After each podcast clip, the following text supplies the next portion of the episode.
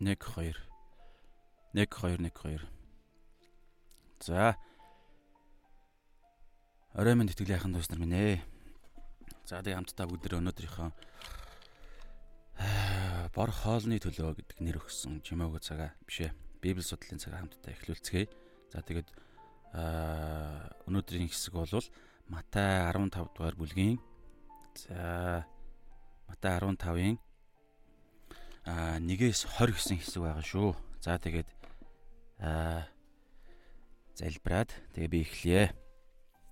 Эзэн минь энэ цагийн төлөө талархаж байна. Тэгээд өнөөдрийн цагаар дамжуулан эзэн минь та бидэнтэй хамт байж биднийг та гэрэлд гаргаач. Есүсийн нэрээр амен. За тэгээд өнөөдрийнхөө библийн хэсгийг би уншия. За а эхлэхээс өмнө би нэг зүйл хэлэхэд жоо орой эхэлж эхэлчлээ. Тэгээд Аа та бүгд маань өөрсдөө цаг заваа өөрсдийнхөө нөхцөл байдалтай тааруулаад тохируулаарай. За тэгээд би бол хуваарийнхаа дагуу ямар ч байсан гэсэн явъя. За би уншия. Матай 15 дугаар бүлэг 1-ээс 20 дугаар ишлэл. Ахмадын заншил гэсэн гэрчигтэй хэсэг байна. За өнөд Ахмадын заншил болон м бозралдаг зүйлс гэсэн энэ хоёр сэдвийг явна. Нэг хамааралтай, нэг холбоотой зүйл байгаа учраас тэгээ Марк 7-гийн 1-ээс 23 гэсэн ишлүүд дээр хамт байгаа шүү. Та өсвөл цаашин шууд э, харьцуулж судалж болно. Би бол өнөөдөртөө амжсангүй зөвхөн Матайгаар л явлаа. За тэгээ би уншия. Тэгтэл Иерусалимаас фарисеучуд ба хуулийн багш нар Есүс дээр ирж яагаад таны шавнар Ахмадын ёс заншлыг зөрчин вэ? Тэд талах идэхтэй гараа аваахгүй юм гэцгээхэд тэр хариуд нь тэдэнд яагаад та нар бас ёс заншлийнхаа төлөө бурхны тушаалыг зөрчин вэ? Бурхан эцэгхээ хүндэл эцэгхээ хараагч нь өөхөх ёстой гэж айлтсан. Гэтэл та нар хэн эцэгтэй эсвэл ихтэй танд хэрэг болох зүйлээ би бурханд өргөсөн гэж хэлнэ. Тэр нь эцгээ эсвэл ихээ хүндлэх хэрэггүй гэдэг. Та нар ийхүү ёс заншлийнхаа төлөө бурханы үгийг хөсөрдүүлсэн. Хоёр нүртнүүдэ Исая та нарын тухай иш үзүүлэн сайн онч хэлэхдээ энэ ард түмэн намайг уруулаараа л хүндэлдэг. Гэвч зүрх нь надаас алс хол байдаг. Тэд хүний душаалыг сургаал мэт зааж харин надад дэмий мөргөдөг гэсэн юм аа. Тэрээр хурсан олныг дуудаад тэдэнд сонс бас ухаар аманд орсон юм хүнийг эс бузарлна харин амнаас гарч буйн хүнийг бузарлна гэхэд шавнар нь ойртож ирээд ойртож очоод түүнд энэ үгсийг тань сонсоод фарисеучуд бүдрэн ундууцсныг та мэдвүү гэж харин Есүс хариуд нь Тэнгэрлэг эцгийн минь тариагүй алив ургамал үндсээрээ суглагдана. Тэднийг орх Тэд сохруудын сохор өдөрдөгчд юм. Сохор нь сохортой газарчилбал хоёул нүхэнд унах болно. Гэхдээ Петр түүнд энэ сургаалт зөвөрлөлийг бидэнд тайлбарлаач гэсэнд тэр та нарч бас ойлгохгүй хിവэр байна уу? Амаар хорох алив зүйл гидсэнд ороод жамаараа гадагш арилдгийг ойлгохгүй байна уу? Харин амнаас гарах зүйлс нь зүрхнээс гарч энэ нь хүнийг бузралдаг. Зүрхнээс ёрын бодол, аллаг, завхаарл, садарлал, хулгай, худал гэрчлэл, гүтгэлэг гардаг. Эдгээр нь хүнийг бузралдаг. Харин гараа угаалгүй идэх нь хүнийг эс бузарлна гэжээ. Амен. За. За тэгэхээр За тэгэхээр өнөөдрийн хэсэг маань Галилд болж байгаа үйл явдал байгаа. Галилд тэгээд ерөнхийдөө Есүсийн үйлчлэлийн 2 дахь жил нь өнгөрцөн явж байгаа. 2 дахь жил нь өнгөрөөд гараад явж байгаа. Тэр цаг үед аахгүй юу? Тэгээд одоо нилээ нөгөө нэг энэ олон хөлийн газраас холдож тэгээд ингээд бүр Галилийн хой захаар ингээд ерөнхийдөө сүулдэ бүр ингээд жоохон хоошоогоо таталт ухралт хийсэн нэг иймэрхүү цаг үе байгаа. Яагаад вэ гэхээр нилээн ширүүсэж байгаа аливаа үйл явдал. Тэгээд өнөөдрийн хэсэг дээр бол та анзаарах юм бол бүр Ерусалимаас хаавга юдэгээс тэр тусмаа бүр Ерусалимаас Ерүсалимийн сүмээс бүр фарисеучуд нөгөө хуулийн багш нар буюу Санхедрийн нөгөө нэг өдөрдөгч нар чинь ирж Есүсийг буруутгах, шалтак хайгаад өөрөөс нь хайгаад олохгүй одоо бүр дагалдагч нараас нь шалтак хайж түүнийг буруутгах ямар нэг юм хайж л байгаа. Тэгжиж энэ дарж авахгүй бол одоо сүулдэ бүр даварлаа гэсэн байдалтай. Тэг яг иймэрхүү болж байгаа үйл явдал Галилд болж байгаа үйл явдал нөгөө Генесарат нууран дээр очиж хүмүүсийг идгээгээ тэгээд тэрний дараа болж байгаа үйл явдал. За Тэгэхээр бүгдээр эхнээс нь харъя. Тэгэхээр өнөөдрийн өнөөдөр хэдүүлээ нэг за ерөнхийдөө нэг 2 3 зүйлийг ерөнхийдөө үзсэн. За 3 4 чин зүйл байна уу? За бүгдээрээ эхнээс нь хараа. Эхний 1 2 дугаар ишлэлдэр Ахмадын уламжлал гэсэн нэг зүйл байгаа. За Ахмадын ёс заншил, хүний уламжлал гэж хэлж болно. Tradition гэдэг тогтсон хүний тогтсон уламжлал хийж заншилсан нэг тийм зан үйл гэдэг утгаараа бол явна. А гэхдээ яг одоо энэ бичээст байгаа энэ Ахмадын ёс заншил гэдэг бол тодорхой нэг тийм бүлэг сургаал байгаа. Тэрийг одоо бүгд хамтдаа ярилцсангаа, довчхон ярилцсангаа тэгээд өнөөдөр Иесусийн хэлж байгаа санааг юу болов гэдгийг харъя бүгдээрээ. За нэгдүгээр эшлэл Матай 15-ын 1 Тэгтэл Иерусалимаас фарисеучуд ба хуулийн багш нар Есүс дээр ирж Яагаад таны шавнар Ахмадын ёс заншлыг зөрчинвэ? Тэд далахыг ихтэй гараа угаахгүй юм гэцгээхэд Есүс хариудна тэдэнд. За одоо ингэж хэлсэн байгаа. Тэгэхээр тэдний хэлсэн үгийг бүгдээрээ энэ дээр нэг төр тогтоод нэг ойр зүрм ярилцъя. За Иерусалимаас сүмийн нөгөө шашныхын төв сүмээс нь фарисеучуд хуулийн багш нар гэдэг энэ нэршил дандаа хамт явдаг те. За фарисеучуд хуулийн багш нар Есүс дээр ирсэн байгаа даа. Тэгэнгүүтлээ яагаад та биш таны шавнар Ахмадын ёс заншил гэдэг үг байгаа. Ахмадын ёс заншлыг зөрчнөвэ. За тэг ямар ч ёс заншлыг зөрчсөн юм өнөөдөр бүгдээрээ харъя. Тэд талахыг ихтэй гараа угаахгүй юм гэцгээхэд. За тэгэхээр би бас нэг жоохон боломжоор судлаа. Бас цаг бага байсан болохоор сайн судлуулаас гоё юм олж мэтгэлэх те. За ямар ч байсан судлаа. Тэгэхээр ерөөхдөө бол ингэж байгаа уламжлал Ахмадын ёс заншил ер нь арда юу гэдгийг хүний ёс заншил, Ахмадын ёс заншил те хүний уламжлал ёс заншил гэдэг бол нэг айхтар муу юм бол биш шүү дээ мэдээж. Аливаа улс үндэстэнд Монголын ёс заншил те өвгдээдсэн маань өвлүүлж ирсэн уламжлал ёс заншил гэж гэдэг юм бол байдаг. Гэхдээ энэ юдэчүүдийн хувьд арай өөр яригддаг. Юдэчүүдийн хувьд болохоор бурхны хууль нь бол түүхэн цагийн турш ямар үе байх нь хамаахгүй. Хууль нь үргэлж хамгийн дээд эрх мэдэл нь байж хуулиа дагах тийм үүрэг үүрэг хариуцлага хүлээсэн бурхнаар бүтээгдсэн ард түмэн шүү дээ. Ерөөсө түүхэн тэр чигээрээ бурхныхаа ивэл өрөөлөөр явсан. Тэр утгаараа хууль нь үргэлж хамгийн дээр байх ёстой. Тэд нар өөрсдөө ч бүр мэдж байгаа. Энэ одоо энэ хуулийн багш нар фарисеучуд ч гэсэн бүр мэднэ. Гэхдээ энэ тарда Ахмадын ёс заншил гэдэг нэг тийм нэг Ахмадын уламжлал ёс заншил гэдэг тийм нэг нэг тийм бас нэг хууль байгаад байгаа байхгүй. Тэр нь юу вэ гэхлээр За энэ талмууд гэдэг нэр байгаа юм. Талмууд гэдэг нэр байгаа. Бас гимара гэж нэрлэгддэг. Тэгэхээр энэ ямар учиртай юм бэ гэхээр яг боломжоор судалсан цааш нь бүр сайн судалвал олон юм мэддэг байх.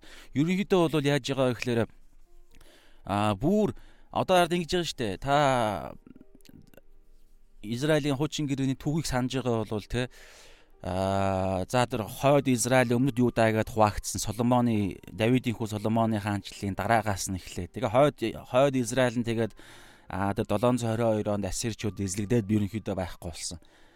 Үлдэгдэл нь бол Самарч гэдэг юм уу тиймэрхүү. Самарч баг биш дээ.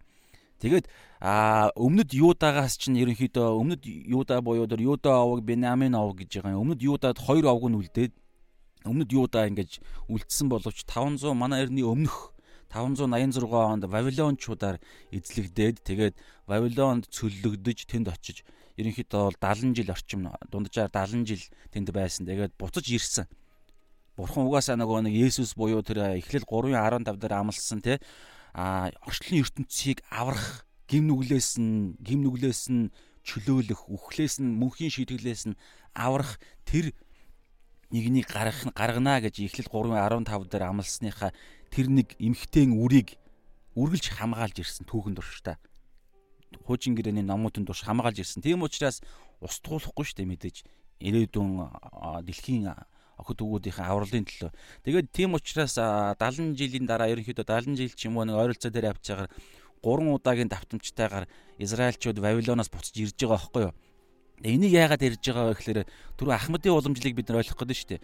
Тэгэхээр буцаж ирээд тэгээд ерөнхийдөө Эзра Нехемия гэдэг ерөнхийдөө хоёр бас чухал хүн байгаа байхгүй. Библиэлд ном нь байгаа шүү дээ. Хуучин гэрээний Эзра тэгээд ард нь Нехемия гэдэг. Тэгэхээр Эзра болохоор буцаж ирээд а эренгүүтлээ ерөнхийдөө 450 орчим чи ер нь энэ авцсан оны үед Эзра ном бичигдсэн байдаг. Тэгээд тэр болсон үйл явдлаараа. Тэгэхээр Эзра болохоор буцаж ирээд сүмийг сэргээсэн. А Нехемиа нь болохоор бас ойролцоо тэгээд ирээд юуны Иерусалимийн хан хэрмийг сэргээж байгаа байхгүй юу. Тэгээд ерөө сүмийг сэрэж байгаа. Тэр бол ерөнхийдөө хоёр дахь сүм гэдэг байдлаар. Тэгэхээр тэр үедээ бас яаж байгаа вэ гэхээр аа хуулийг хуулийг тэг хуучин гэрээний номуудыг эмхтгээ зэгцлээ тэгээд ерөнхийдөө өвлүүлж байгаа. Тэгээ Эзра Эзраг болохоор хамгийн анхны хуулийн багш гэж ерөнхийдөө үздэг юм байлээ. Хамгийн анхны хуулийн багш. Тэгээ Эзрагаас хойш буюу манай эртний өмнөх 450 оноос хойш ерөнхийдөө яаж байгаа тэрнээс баг өмнө байж магадгүй. Юу гэхээр Мосегийн 5 ном хууль байгаа шүү дээ. Бичигдсэн, бичээсэн, бичээсэн хууль. Энэ хуулийн хажууд нь дандаа нэг тийм а бас нэг тийм аман хууль гэдэг одоо аман хууль аман хуулийн тайлбар гэдэг юм байн явдаг байсан байгаа байхгүй юу. Тэгэхээр тэр ам одоо тэр аман хууль хуулийн тайлбарыг тайлбар ерөнхийдөө энэ ахмадын уламжил гэдэг санаа. Жишээ нь амралтын өдрийн амралтын өдөр ажил хийж болохгүй гэдэг нэг тиймэрхүү агуулгатай л юу байгаа. Аа Мосегийн хуулинд байгаа. Тодорхойгүй гинэ. Тодорхойгүй учраас хуулийн багш нар тэрийг амьдрал дээр хэрэгжүүлэхийн тулд а Мосегийн тэр хуулийг амьдрал дээр тайлбарладаг. Байж болох юу н ажил байж болох уу гэд баахан заалтууд тайлбарлсан байгаа байхгүй юу. Бурхны хуулинд Библиэд байхгүй мөртлөө а тэр хуулийн багш нарын өөрсдийнх нь амьдрал дээр ийм ийм зүйлсүүд байж болно гэд амьдрал дээр хэрэгжүүлж болох бүх а тохиолдлуудыг бодож олоод тэгээд тэрэн дээр ингэж хуулийг тайлбарлсан юм яг тийм бичиг нь тайлбар нь бичиг бүр ном байгаа байхгүй юу. Тэр нь бол талмууд. Гэхдээ талмууд болохоор ингэнэ талмууд гэдэг одоо тэр одоо ариун библи канон библи гэдэг шиг талмууд гэдэг тэр нэг том зохиол цомрлог а зохиол нь болохоор ерөнхийдөө манай иргэний 3-аас 500 орчим оны хооронд энэ хавцаа эмхтгэгдсэн боловч яг тэр Мишна гэдэг байгаа байхгүй юу. За яг зүгээр нэрийн дурдаал өнгөрч. Тэр Мишна гэдэг энэ асар олон том нэг тийм тийм багш хуулийн багш нарын хуулийг тайлбарлсан тэр нэмэлт тайлбарууд нь бүр хэдэн зуун жилийн өмнөөс Библиэтэй хажууд нь зэрэгцэж явсан. Тэгэхээр тэрийг уламжил гэдэг байгаа. Мишна гэдэг Ахмадын уламжлал. Ерөнхийдөө Талмуд гэсэн ч болно, Гемара гэсэн ч болно, Мишна гэдэг иймэрхүү юм. Тэгээд хэмжээ нь болохоор ер нь 63 тийм зохиол буюу номоос бүрддэг. Тэгээд а хоёр талдаа бичигдсэн хоёр нүүр бүхий нэг хуудас болдог шүү дээ. Нэг хуудас чинь хоёр талдаа нүүртэй. Тэгэхээр 2711 хуудас буюу 5000 гаруй нүүр дүүрэн ийм хуулийн тоорогийн тайлбар зохиолууд гэсэн үг. Гэхдээ Библиэд байдаггүй. Библийн хэлэгдсэн нэг жишээ нэг хуулийн заалтыг нь барьж байгаа л баахан амьдрал дээр байж болох тайлбарууд. Тэгэхээр тэднийг тэднээс нь Есүс а зөрчсөн тохиолдлууд гараад байгаа байхгүй юу? Тэрийг одоо жишээ нь амралтын өдрийн хуулийг зөрчлөө гэвэл яагаад гэхлээр амралтын өдөр хүн ангааж болохгүй эмч эмчийн ажлыг хийж болохгүй аа тэгэнгүүтлээ олбгоо олбгоо гарт дээрээ бариад өргөх ажил хийж болохгүй энэ хоёрыг жишээ нь Йохан 5 дугаар бүлэг дээр 38 жил өвчтэй байсан хүнийг Есүс эдгээхдээ эдгээсэн амралтын өдөр эдгээсэн. За нэг Ахмадын уламжлалыг зөрчсөн нэг удаа. Одоо энэ Мишна гэсэн үг байхгүй юу? Талмуд гэсэн санаа. А хоёрдугаарт нь олбогоо бариад өргөөд яваа гэд хэлсэн чинь барьж явсан чинь баригдаа тэгээ хэрүүл бөө юм болж байгаа. Хэрүүлж юу яхав те. Тэрний ачаар бас маш чухал чухал сургаал номлол библиэлд бичигдэж үлдэж байгаа шүү дээ. Бүх зүйл зохион байгуулалттай. За ямар ч зүйл иймэрхүү юм байгаа ярьж байгаа байхгүй. Тэгээ өнөөдөр энэ Ахмадын заншлаас нэгийг нь дагалдагч нар нь зөрч зөрчигчээ. За бүгдээрээ харъя. За Тийм. За тэгээ яг фарисеучуудыг бид нар урд нь ярьсан те. Тэр нөгөө чимээгүй 400 жилийн хооронд болсон хүмүүс байгаад байгаа шүү дээ. Тэгэхээр хуулийн багш нар бол ерөнхийдөө хизээнээс хуулийн багш нар нь гарсан бай гэхлээр та а тэр Эзра чинь ихний хуулийн багш гэж ярьж байгаа шүү дээ. 450 орчим оны үед. Тэгэхээр а Эзрагаас хойш хуулийн багшууд ерөнхийдөө гарч иж эхэлж байгаа байхгүй. Тэгээд фарисеучууд фарисеучуудын бүлэглэл болохоор ерөнхийдөө хуулийн багш нар тэнд ер нь харьяалагддаг. Гэхдээ бүх фарисеучуд хуулийн багш байх албагүй бүх хуулийн багш нар фарисеучуд байх албагүй юм байлээ. Тэр Санхедрин гэдэг тэр улсын хурал гэдэг шиг 70 хүнээс бүрдсэн тэр нэг удирдах зөвлөлийнхэн зөвлөлийнхний нэг нам юм уу нэг бүлэглэл юм шиг байгаа. Гэхдээ хуулийн багш хуулийн мэдлэгтэй. За тэгэхээр тэр хууль нь одоо саяны ярьж байгаа Ахмадын уламжил дээр илүү төвлөрж байгааз Ахмадын тэр ийм сэтгэлгээ байдаг гинэ би мартахаас өмнө яриад байгаа. Тэд нар юдэчд болохоор ингэдэг гинэ Ахмадын уламжлал нь ингээд байж болох Библийн нэг хуулийг хэрэгжүүл за энэ хуулийг хэрэгжүүлэх ёстой гэдэг Библиэлд Мосегийн хуулинд Библиэлд хэлсэн байгаа шүү дээ. Тэрийг нь хэрэгжүүлэх байж болох бүх энэ хэрэгжүүлэлтүүдийг хэрэгжүүлэлтүүдийг а ямар тохиолдолд яаж хэрэгжүүлж болох уу гэх тэр бүх тохиолдлуудыг нь гаргаад бичээд өгсөн тэр Мишна, Талмуд, Ахмадын ёс заншил гэдэг байгаа шүү дээ. Тэгэхэд тэр нь асар олноороо ингэж байдаг. Тэгээд тэрийг болохоор юу гэж өөрөөсөө нэг яг хоо өөрөөсөө юу гэж тайлбарладаг вэ гэхээр тэ бүр ингээд асар олон ёс заншил хууль дүрмэн дунд та нар дунд амьдрах нь та нарт хэрэгтэй. Энд хууль дурмын дунд ингэж байнгын хяналтанд хашаа хашаа хил хязгаар дунд явж явснараа та нар хуулийг бүр ингэж зүрхнээсээ биелүүлэх ч албагүй зүгээр шууд нөгөө нэг зүн совингоороо нөгөө нэг дадал зуршлаараа та нар хуулийг биелүүлж чаддаг болно гэсэн санаа нэг иймэрхүү юм ярьд юм шиг байгаа. Юус амьдрал дээр нь ингээд хаасаагүй ингээд нэг дүрм хууль дүрм байж идэг. Библиэлд байхгүй.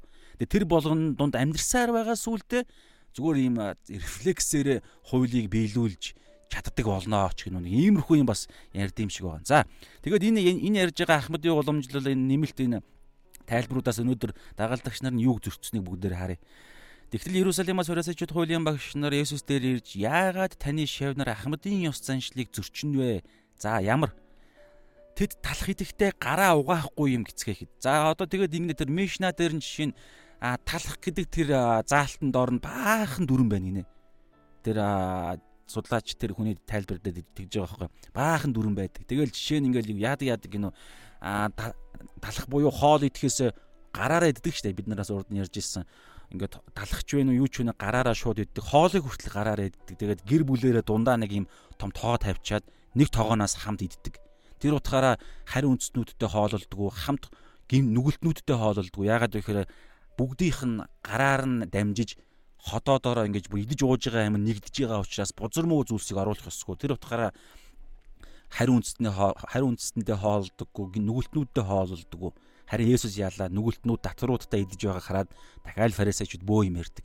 Тэгэхээр энэ нөгөө нь ёс заншил яриад байгаа байхгүй юу? Ёс заншил дээр нь Ахмадын ёс заншил, хүний уламжлал нөгөө нэмэлт хуулийг тайлбарлсан Мишна, Талмуд гэдэг байгаа тайлбарууд дээр нь тийм байгаад байгаа хүмүүсүүд өөрсдийнх нь бодож болсон. Тэгэхээр а жишээ нь тэр далах идэхтэй холбогдлолтой гар угаахтай холбогдлолтой юу байгаа вэ гэхээр далах гэдэг тэр заалтан дотор нь юу байгаа вэ гэхээр жишээ нь зүгээр тэр хүний ярьж байгаагаар бол ингэж байгаа байхгүй а далах ч юм уу хоолоо идэхтэй далах идэхээс өмнө тэр гараа угаах сав нь цуурцсан жоохон цууралтай бид аяг маяг байдаг шүү дээ. Дама дээр үед бол их байдаг гэсэн. Тэгээ гэр бүлд альва нэг гэр бүлд ингээд цуурцсан мөртлөө ус гоочхгүй. Гэхдээ ингээд ууж идэж байгаа явж идэг. Тэгэхээр тиймэрхүү цуурцсан савн дотор гараа угаах юм бол гар нь бузар хэврээ байдаг. Бүтэн байх ёстой гэл. Янз бүр юм ярьж байгаа байхгүй. Тэгээ тэрний бас нэг юм нь юу гэхээр ингэдэг энэ их сони юм ярьж сонссон. Аа тэд нар бүр ингэж ингэж бүр заримдаа бүр амар тийм инээдтэй хүртэл тийм шалтгаан байгаад байгаа байхгүй. Гараа За юу лээ? За тэр нэг хэлбэр янз бүрийн зан үйл байгаа. Тэр нь яхаа гол нь ингэдэг гинэ энэ гарны үзүүрүүд дээр ингээд чөтгөр байждаг. Чөтгөр нь бүр нэртэй. Юдэчүүдийн үздэг нь.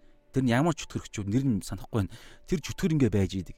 Тэгээд а үзүүрүүд дээр хурууны үзүүрүүд дээр тэгээд талах идэхэд юм идэхэд идж байгаа зүйлээр дамжуулж чөтгөр бидний дотор орж борно гэсэн үг. Чөтгөр орно гэсэн.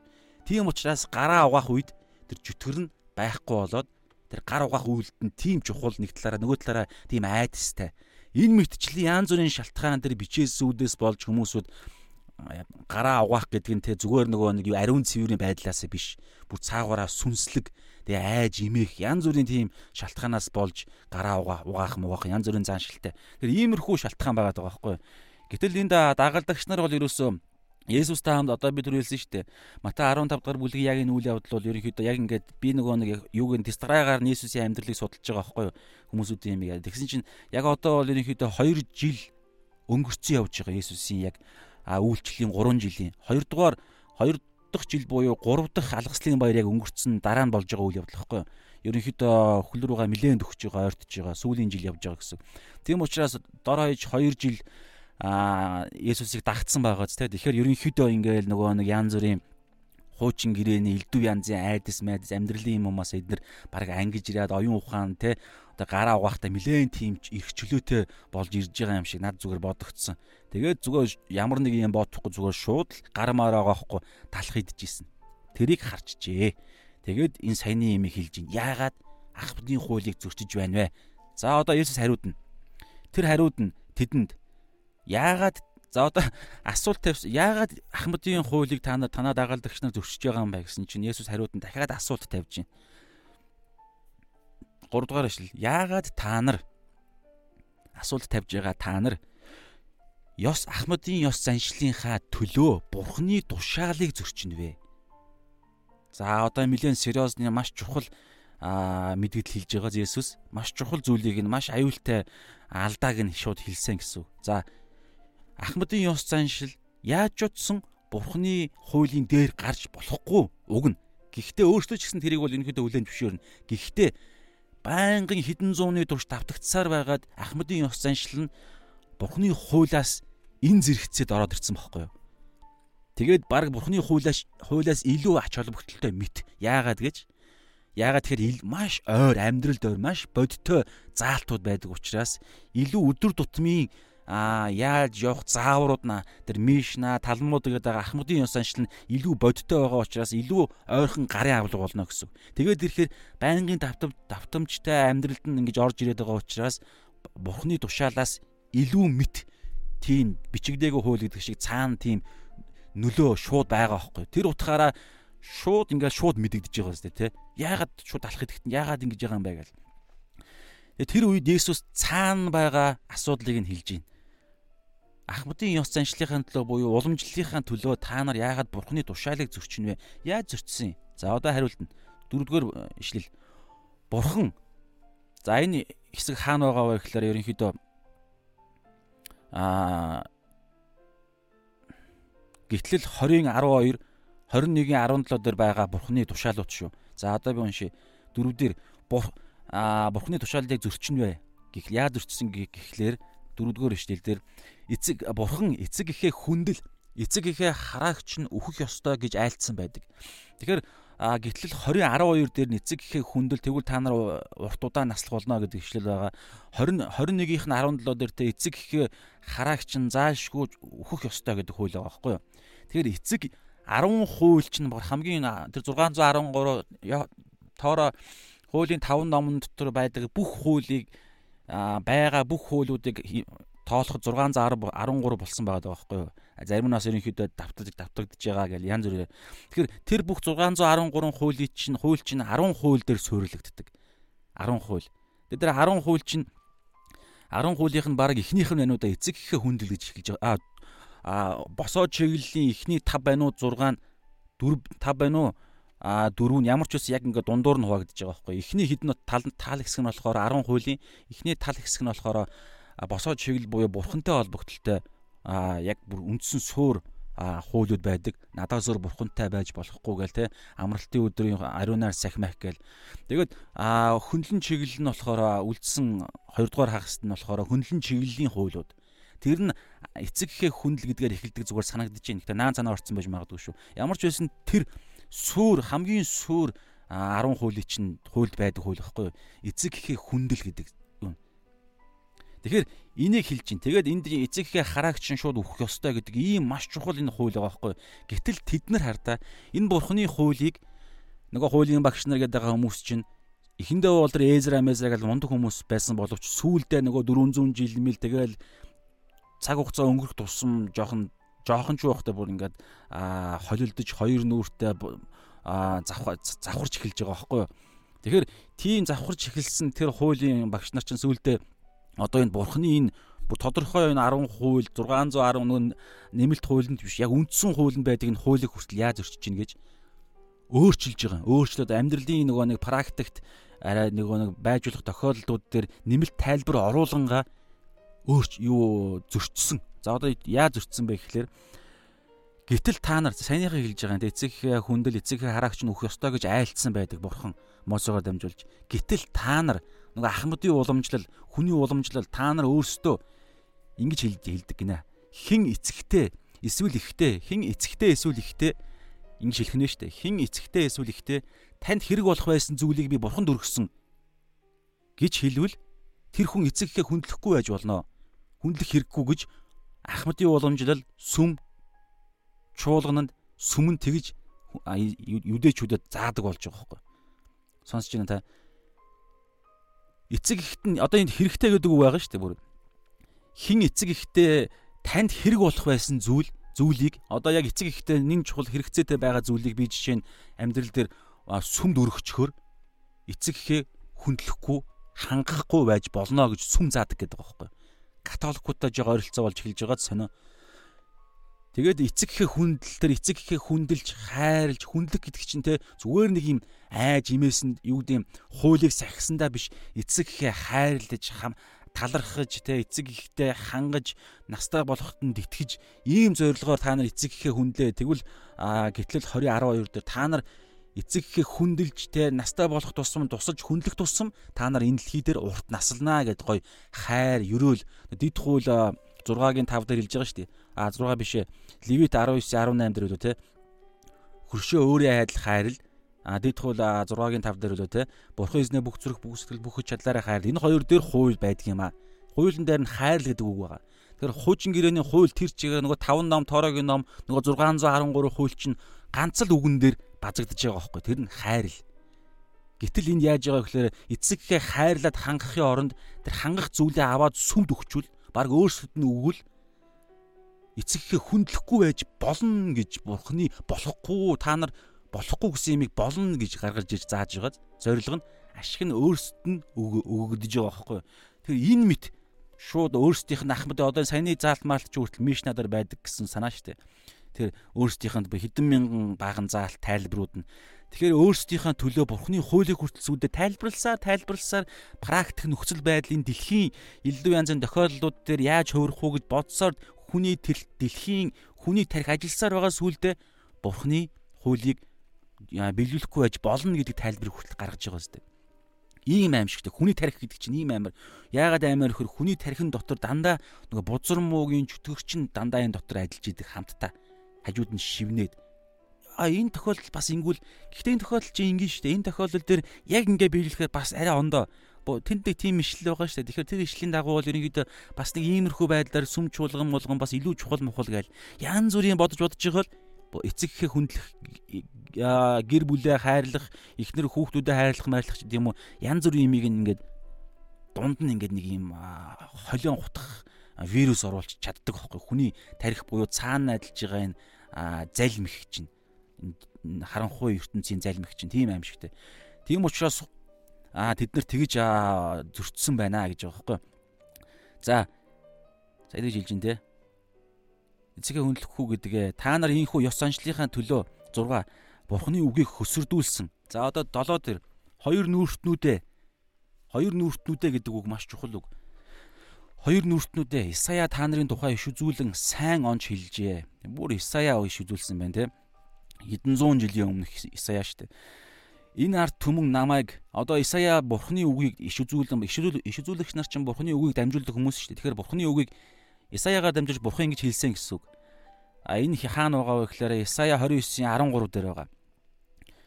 А тэгэхээр яг одоо за тэр нарийн юм яг за а энэ арт түмэн намайг уруулаараа бурхан хэлж штэ. Израильчүүдийн талаар энэ арт түмэн намайг уруулаараа хүндэлдэг амаараа хүндэлдэг, амаараа мөргөл өргөдөг. Нөгөө хоёр нүртэн гэдэг одоо энэ энэ дотор гарч ирнэ. Аа санаа нь цаад тодорхойлтын санаа нь энэ арт төмөн миний арт төмөн гээг байгааз энэ арт төмөн намайг уруулаараа хүндэлж мөргөл хүндэтгэл өргөдөг. Уруулаараа хүндэлдэг, амаараа хүндэлдэг гэсэн үг. Гэвч зүрхэн надаас алс хол. За одоо энэ харьцуулалт ялгаа ялгаа гарч ирж байгааз өнөөдөр энэ аюул биднэрт бүр үүдэн дээр байн хүлээж байгаа аль хэзээ энэ аюул бид нарыг эзлээд авцсан байх магадлал магадлалч гэждээ ерөнхийдөө бол маш бодиттой бодиттой зүр юугаар жишээнүүдээр бидний дээр аюул аль хэзээ ирдсэн байгаа олон жишээ байгаа олон ухралтууд ялагдлууд Монгол чуулганд одоо яг бодиттой байгаа.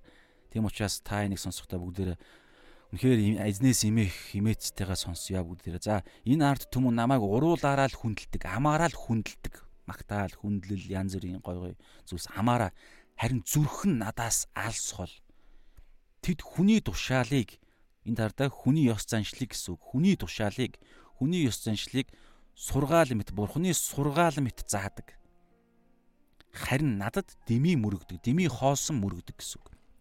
Эндээс Энд хардаа Исая 29:13 энэ түрүүн хоёр нүүртэн гэдэг зүйл ярьж байгаа шүү дээ. Хоёр нүүртэн. Аа фарисеучуд хуулийн багш нар Есүстэй хоёр нүүртнүүдээ гээд Исая та нарын тухай иш үзүүлэн маш зөв хэлжээ. Хоёр нүүртнүүдийнх нь хоёр нүүртэн гэдэг аа талыг нь иш үзүүлж хэдэн зуун жилийн өмнөөс хэлсэн. Тэр нь ямар вэ гэхээр амаараа тэд бурханд магтаал хүндэтгэл элдв янзын гой гой сай сайхан юм ярина.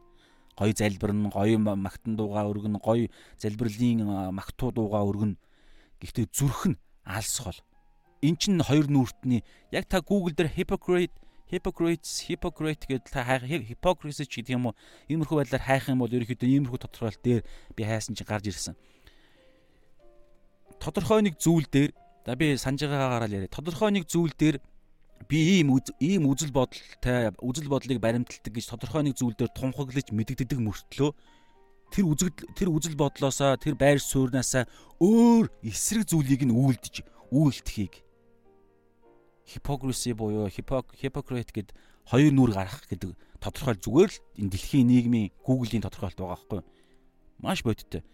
Энд хардаа тэд амаараа бурхныг хүндэлж магтдаг. Гэтэн зүрх нь алс хол буюу хоёр эзэн л ярьдаг штэ. Зүрх нь аль хэзээ а энэ дэлхийг эзнээ болгоцсон хувийн их ашгаа эзнээ болгоцсон байна гэсэн.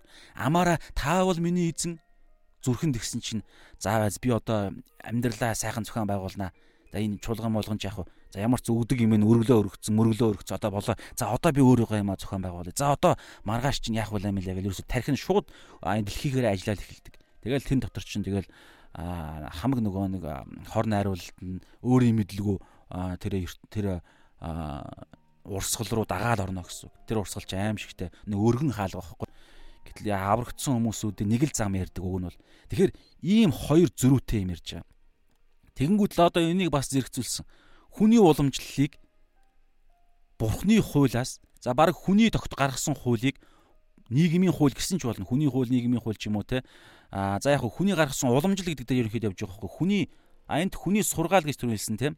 Тушаал, хүний тушаалтыг, хүний тушаал, хүний хуулийг, хүний эрх ашиг, хүний стандартыг Бурхны стандарт, Бурхны хуулиас илүүд бүр үздэг.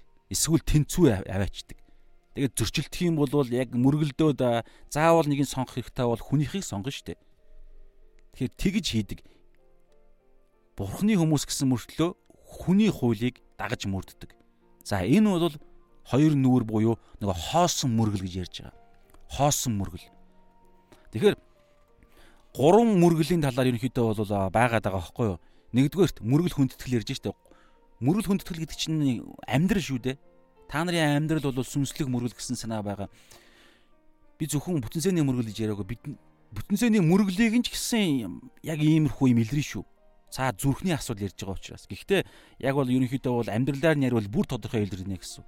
Тэгэхээр энэ тартаа а гурван төрлийн мөргөл ерөнхийдөө байгаад байгаа. Нэгдүгээр нь Мата өнөөдрийн хэсэг дээр а Мата 15 дээр болохоор түрүү хэлж байгаа. Хоосон мөргөл энд харин надад дими мөрөгдөг. Дими гэдэг санаа чинь а Wayne гэсэн санаа байгаа байхгүй нөө хоосон хоосон дими хи дими гэсэн санаа. Тэгэхээр хоосон мөргөл нэгдүгээрт. Хоосон мөргөл.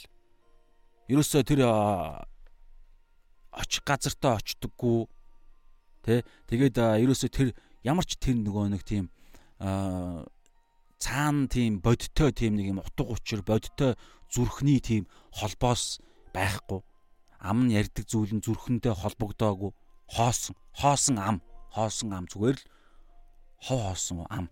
Зүрхэнд нь тэр ямар ч үнний ор байхгүй тийм санаа. За хоёр дахь мөргөл нь а Үлс 17-гийн 23 дээр хэлж байгаа байхгүй. Юу?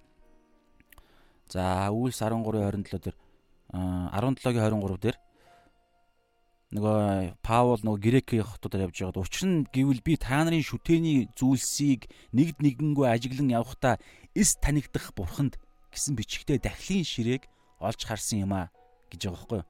Ингэхлээр та нарын мэдхгүй атлаа шүтэн биширдэг зүйлийг чинь л би та нарт тунхаглаж байна.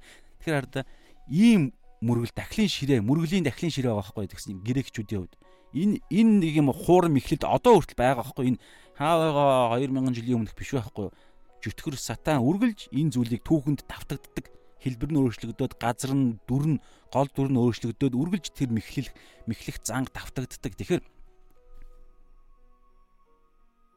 Тэгэхээр ардаа энд хэлж ин те ис танигдах тэр грекүүд бол ерөнхийдөө ямар тэр грек хеленистик үл юу лээ тэр грекийн тэр нэг гол сэтэл чин санаа чи юу гэхээр шин санаа хайж явдаг ш. Хаана шин санаа гарна тэрийг барайл ярилцаал тэгэл амар дуртай тэгж гоё кайф авдаг хүмүүс байгаа даа байхгүй. Тэр утгаараа тэр грекийн философч нь ер нь асар их а түүхэнд те янз бүрийн судалгаа, гүн ухаан, сэтгэл судлал модалд их том нөлөөтэй шүү дээ. Тэгэхээр мэдлэгийг амар их чухалчилдаг. Тэгэхээр тийм болохоор ардаа юусаа байж болох бүхэл бурхтыг ингээд шүтчихийдэг. Тэр дундаа хүртэл ийм ярьж байгаа. Ямар ч танигдахгүй үл мэдэгдэх бурханд зориулсан дахлын ширээ байна гинэ. Тэгээ тэр дахлын ширээ нь ямар бурхан мэддэхгүй зүгээр ингээл өргөдөг. Зүгээр тийм сохор сохор мөргөл бүр нөгөө нэг бүр цаана ямар ч тийм үнэн баталгаа баримт байхгүй хэн гэдэг нь мэддэхгүй мөргөл өргөдөг. Тэгэхээр яг энэ сэтэл энэ сүнсний энэ мэхлэлт энэ өрх байдаг аахгүй. Есүст би итгэдэг. Тэ? Есүст итгэхэд би сүмд явдаг гэл. Тэгээд явхдаа ингээл зүгээр ингээл нэг юм мансуурцсан юм уу эсвэл зүгээр ингээл явж идэг ингээл тэгэл нэг юм хүсэл гоё ингээл өөдөөс нараал инээвэл баярлаа юм өгвөл ингээл баярлаа эсвэл те тэгэл нэг юм зүгээр нэг юм тархин ажиллаж байгаа юм уу мэдхгүй би зүгээр яг тодорхой хүний хэлээгүй иймэрхүү юм яг нэг тийм тохиолдлууд надад санагдчихээн. Гэхдээ ерөнхийдөө байдаг хөөхгүй. Тэгээд ингээд юу гэдэг яг ингээд ярилцаа те за чи бараг ингээд жилмэл явцсан. Гэхдээ энэ юу гэдэг янз бүрийн сэтгэл санааны төвшин байдал байж магадгүй шүү. Ямар ч байсан хүн бол хүн шүү дээ. Сүнс бол сүнс. Мөргөл өргөдөж байгаа бол өргөл. А мөргөл өргөдөж л байвал тэр мөргөл гэж яригдэн. Тэгэхээр тэр оюун санааны ямар төвшин байдгийг мэдэхгүй. Гэхдээ ямар ч байсан ингээд яг ингээд те а Есүст итгэдэггүй ч юм уу те? Юу гэдэг ингээд яг ингээд Есүс гэж хэн бэ гэж асуул ерөөсөө юу ч байхгүй ингээд. Тэгээ зүгээр бурхан гээл те? Тэгэл цаад нэг тийм яг юу гэдэг тийм нэг юм үнний баталгаа та сүр тэр нэгэн цорын ганц зам үнэн аим. Тэр бол орчлын ертөнцийг бүтээсэн бурхан буюу бид нарыг загламаа дээр гэл ингээл сайн мэдээний гол үнэн байна штэ. Энэ баримттай библийн дагуух ихтгэлчин тэгж байгаа штэ. Учир шалтгаан баримт дээр тулгуурлаад үйлсээр төгс хэлбэрждэг л итгэлийг чинь л үйлс гэд библийн дагуух авралын итгэл гэдэг гэж байгаа байхгүй яг ийм хуйлаа байх хэвээр хоёр талт яг хоёр дугуй шиг гítэлтэй зүгээр ингээд бараг тэр учир шалтгааныхаа итгэлийн төвшөнд хүртэл учир шалтгаантайгаар ингээд тэр ойлголтоо хүртэл мэддэг юм уу мэдэхгүй. Тэгсэн мөртлөө ингээд мөргөл өргөөл тийм хүн байх магадaltaй байхгүй. Тэгэхээр тийм итгэлийг мөргөл хүндэтгэлийн амьдрал, итгэлийн амьдралыг ярьж байна. Энэ бас хоосон. Надад ямар ч дими мөргөл өргөдөг гэж түрүүн Исая хэтэр Исая 29 13 дээр хэлсэн шүү дээ. За сүүлийн мөргөл бол яг Библийн дагуух байж болох цорын ганц зам гэж байгаа шүү дээ хавчиг хаалга нарийн зам буюу тэр цорын ганц мөргөлийн ганц л зам байгаа амьдрал байгаа. Тэр нь самар эмэгтэй түүхтэр гарч байгаа тийм. Үйлс Йохан 4-ийн 23-аас 24 за би уншичи. За ингээ ерөөхдөө та хамтд нь зөгцоор нь уншвал илүү гоё. Гэхдээ яг өнөөдөр хамаатай хэсэг нь бол за би уншия 23-аас Йохан 4-23. Харин үнэн мөргөгчд нь үнэн мөргөгчд гэж ягааз үннээрээ мөргөл өргөгчд жинхнээсээ мөргөл өргөгчд гэсэн үг. Хоосон мөргөл биш, сохор хиндэн өргөд байгаа ч мөргөл биш эсвэл амар хоёр нүртэй энийг баг хоёр нүртэй гэсэн ч болно дөө. Хоёр нүртэй хоосон мөргөл. Зөвхөн амаараа яриад ямар ч хоосон үг ямар ч баталгаагүй үг гэдэг шиг баталгаагүй мөргөл. Нэг нь бүр бүр юу ярьж байгаагаа ч мэдэхгүй баг. Аа энд бол жинхнээсээ өргөдөг мөргөл нь. Тэгэхээр 23 дээр харин үнэн мөргөгчт нь ямар байх вэ гэхээр сүнсээрээ ба үннээр эцэгт мөргөх цаг ирж байгаа бөгөөд одоо ирчгээд байна. Эцэг өөрт нь ийм хүн мөргөгчдийг ирж байна. Яагаад ирж байгаа юм? Олдоог өмнө байгаагүй байхгүй.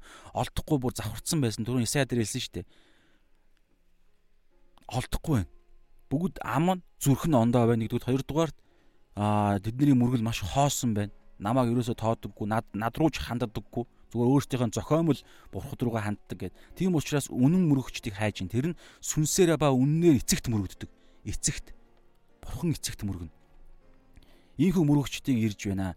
Бурхан бол сүнс түүнд мөрөгчт нь сүнсээрээ үннээр мөргөх ёстой гэж айлдлаа. Тэгэхээр бид нар чимээгүй цагтаар бол үздсэн те сүнс ба үннээр мөргөл өргөх гэдгийг эзэн үнэн мөргөл гэж ярьж штэ. Тэгэхээр тэр нь ямар мөргөлийн гэдэг дээр биднээс урд нь ярьж исэн. Ерөнхийдөө та анзаарвал итгэлийн амьдрал амьдрал дээр нэг хоёрын байн яваад идэх байхгүй. Янз бүрийн хоёр одоо юу гэдгийг хэмжигдэхүүн гэдэг юм уу? Түрүүн би юу ярьсан шүү дээ. Авралын итгэл болохоор учир шалтгаан баримтан дээр авралын итгэл нь суйрлагдаад суйрлагдаад дутуу. Тэгээд заавал үйлс гардаг. Үйлсээр төгс болж хэлбэрш хэлбэржигдэж тухайн нэг бүтэн ойлголт чинь тэгж үйлсдэр төгсдөг, бүтэн болдог, цогц болдог. Тэгээд үйлс гарахаараа эргээ доошоогоо очингуутлаа нөгөө еврей 11-ийн 1 дээр хэлдэгчлэн итгэл бол харагдахгүй буюу тэр тухайн нэг юм харагдахгүй тухайн ойлголтыг чинь одоо тэр нь ойлголт нь бол Есүс, ариун сүнс, эцэг бурхан, аврал, мөнх ам, өршөөл, зөвтгөл гэл эдгээр ойлголтууд шүү дээ. Яг бодиттой энд байна уу гэхээр яг бодиттой энэ байна гэж нэг үзүүлчихэд байхгүй. Тэгсэн мөртлөө харагдахгүй. Тэгэхээр тэр харагдахгүй зүйл чинь яг байгаа гэдгийн evidence буюу нотлох баримт нь түрүүн үүс гаргах үед орж ирдэг амталгаа. Ямар нэгэн бид нэг юм баримт, нэг юм мэддэг, биднэрт нэг юм тодорхой түүхэнд амьдралын нэг үйл явц нэг юм ойлголтоор эсвэл нэг юм мэдрэмжээр мэдрэмжхээс илүүгээр те яг тодорхой нэг юм дуршилгаас нэг юм үйлс гаргаснаас шүү дээ. Түүнээс зүгээр энэ ойлголтоос биш. Яг тэр итгэж байгаа зүйлийн дагуу үйлдэх үед хариуд нь нэг юм орж ирдэг. Ямар нэгэн төлөв байдал, нэг ойлголт, нэг баримт орж ирдэг. Тэр чинь тэгэх үед энэ авралын итгэл чинь ингэж төгс болдог гэдэг байгаа байхгүй. Тийм учраас Яаков тэр үйлсгүй итгэл нь үхмэл гэдэг байгаа байхгүй итгэл нь үйлсээр төгс болдог. Тэгээ Матад юу н шинэ Есүс ч гэсэн бас хэллүү яалаа.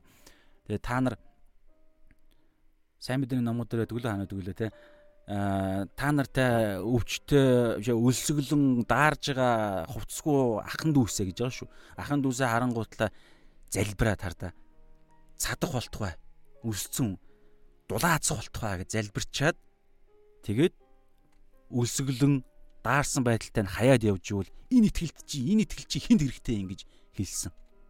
Библиэлд байгаа. Та хайгаараа. Энэ итгэл хинт ч хэрэггүй байхгүй. Аврал тэр хүнийг авралт шүү. Авралт ч хүргдэггүй итгэл гэдэг байгаа байхгүй. Яг түрүүн ярьсан энэ хоосон амаараа аврагдах болтугай хайртай шүү. Дулаацах болтугай цадах болтугай Есүсийн нэрээр гэчээл карманд нь 10 мянган төгрөгтэй. Ийшээ гараад 10 мянгаар одоо юу авдгийг мэд өөрт нь идэх юм хангалуун. Тэгээ илүү 10 мянган төгрөгтэй тэр 10 мянган төгрөгөөр ийшээ гараад аа нэг бол ямар ч тийм амин чухал биш нэг юм илүү юм юм гээд кино үздэг юм уу яад. Гэтэл тэнд ах トゥ н өлсөд өгч штэ. Энэ итгэл чинь тийм итгэл байхгүй юу? Түрүүн хэлсэн штэ. Нэг баттай нэг юм баримт нотлогоо нэг шалтгаан дээр эхэлдэг. Тэр нь ямар шалтгаан юм? Есүс яг 2000 жилийн өмнө асар олон нүдэн гэрч нараар түүхэнд амьдарч исэн тэр хүн 3 жилийн үйлчлэлээр өвхлээс амилсан дараагаар нь тэр амилсан гэдгийг нэгдүгээр Коринт 15 дээр бол 500 гаруй 500 гаруй хүмүүсүүд амилсан гэдгээ харагдаж өөрийгөө харуулсан нүдэн гэрчнэр байгааз түүхч ийм л мэрдэг штеп. Тэгэхээр яг тэр бодиттой баталгаа тэгээд тэр амьдрал нь гол нь яасан бэ гэхээр өөрийгөө золиосож бусдыг түрүүн өлсөж даарж исэн хүмүүсүүдийн төлөө бүх юмаа золиослсон. Тэгээд яг ингэж яг энэ амьдралд нь итгэж хайранд нь итгэж энэ бидний авралыг бий болгосон тэр загалмаа руу чиглэсэн загалмаа дээр тэр яг саяны ярьсан энэ хайр өлсөн сангасан хүмүүсүүдийг хайраараа өөрийнхөө өөрөө өлсөд оронд нь бүх юмаа өгж байгаа тэр бүх зүйлсүүд чинь төгс загалмаа дээр хэрэгцсэн гэдэгт нь итгэх мэтгэх гээд тэгээ энэ энэ гайхалтай цогц зүйл чинь Есүс Христ те бид яг энэ амьдралаар энэ амьдралыг итгэх үед ариун сүнсээ өгөө тэгээ тэр шинэ бүтээл болох үед энэ амьдралаар та нар амьдраарай гэд загвар болгож биднэрт төгсөн. Тэгээд тэр загвараар нь бид нар амьдарч байгаа шүү дээ. Тэгэхээр яг тийм тодорхой учир шалтгаан Есүс намайг яг намайг яг тэгж хайрлсан, намайг үлсэд сангаж гэдгийг чинь хамгийн төгс хэлбэр нь надад мөнхийн амийг өгсөн байхгүй юу? Надад одоо ам өгсөн, надад сүнслэг эрх мэдлээ өгсөн. Өдөр болгон гэрэл дотор халахвал Христийн цус биднийг угаад цэвэрлэнэ гэдэг амлалт нь байгаа. Гэхдээ итгэхгүй тий. Тэгэхээр энэ гайхалтай зүйл чинь бид нэг амьдарч байгаа шүү дээ. Тэгсэн мөртлөө яг ингэж тэгээд ийм гайхалтай юмд итгэсэн учраас энэ итгэлийн дагуу бид нар энэ учир шалтгаантай энэ Есүсийн амьдрал баталгаа баримт байгаа учраас энд нь итгээд үүний дагуу үйлдэх буюу түрүүний ярьсан үсэд сангаж байгаа хүнд нөгөө кино үзэх гэжсэн 10 мянган төгрөгөө өгөх өгөх дуудлагатай байхгүй бид нар өгөх дуудлагатай өгөх үүрэгтэй гэж хэлчих. За би ёстой гэж хэлэх нь хаашаа те. Гэхдээ тэр бүр тэгж мөн чанар маань тийм болсон шин бүтээл байхгүй. Гэтэл тэхгүй байна гэдэг чинь энэ үнц сөөрөнд мань асуудал байгаа байхгүй. Нэг бол би дэндүү балчир байна. Нэг бол тэнд аврал би болсон юм уу? Яг ус ба сүнсээр буюу тэр ус гэдэг чинь гимшлийн гимшлийн баптизм чинь усан баптизм гэж ярьдаг. Яг ариун сүнсэнд хамаарагддаг баптизм. Аа тэгээ ус ба сүнс гэж байгаа сүнс болохоор сүнсээр баптизм өгөхд чинь зөвхөн Есүс гал ба сүнсээр гэж байгаа. тэр гимшил үргэлжлүүлэн ариун амьдрахад усан ариун сүнсээр явах юм ярьдаг. Тэгэхээр ингэж ариун сүнсээр явж өдөр болгон гимшч амьдрдаг амьдрал амьдралаар амьдрах энэ зүйл чинь а дээрээс төрсөн гэдэг ойлголт ярьж байгаа байхгүй. Тэгэхээр яг тэгж төрсөн юм уу? Төрөөг юм шүү. Тэгвэл тэр саяны залбир малбир чи ямар ч хэрэггүй шүү дээ.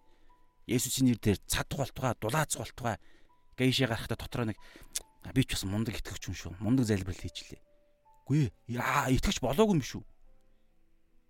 Яа яагаад итгэж болцсон хүн чинь юу залбир нь мэдээж залбирал чинь хардаа залбирал гэдэг чинь тэр хүний хайрлах сэтгэлээс тэр хүний тэр хүний төлөө бид нар ингээ те одоо юу гэдгийг бурхан өөртөөсөө шалтгааллах юм хийгээд чадахгүй бүр ингээд боломжгүй эзний оролцоо хэрэгтэй байна ч гэдэг юм уу? Тэр утгаараа надад боломж байхгүй дэ ингээд залбирлаараа ерөөлөөрөө тунхаглаараа сүнслэг ертөнцид үгээрээ бид нар тэр хүнд дараагийн би чадахгүй ч гэсэн өөр нэг хүнийг тэх болтугай гэдээ бид нар итгэлээрээ сүнслэг нөгөө юу лээ та нар газар дээр юу холбон тэр нь тэнгэрт холбогдно гэдэг шиг тийм ерөөлийн ирээдүйд хийгдэх удахгүй хийгдэх тэр зүйлийг бид нар холбож өгж байгаа зү тэ чадах зүйл байвал За бараг зүгээр юу гэдгийг заавал залбих хэрэг байгаа юм. Зүгээр шууд идэх юм нүгэл дэ. Хувцас өгье л дэ.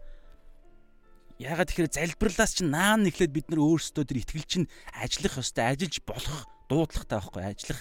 Есүс чинь яг л тэгж байгаа шүү дээ.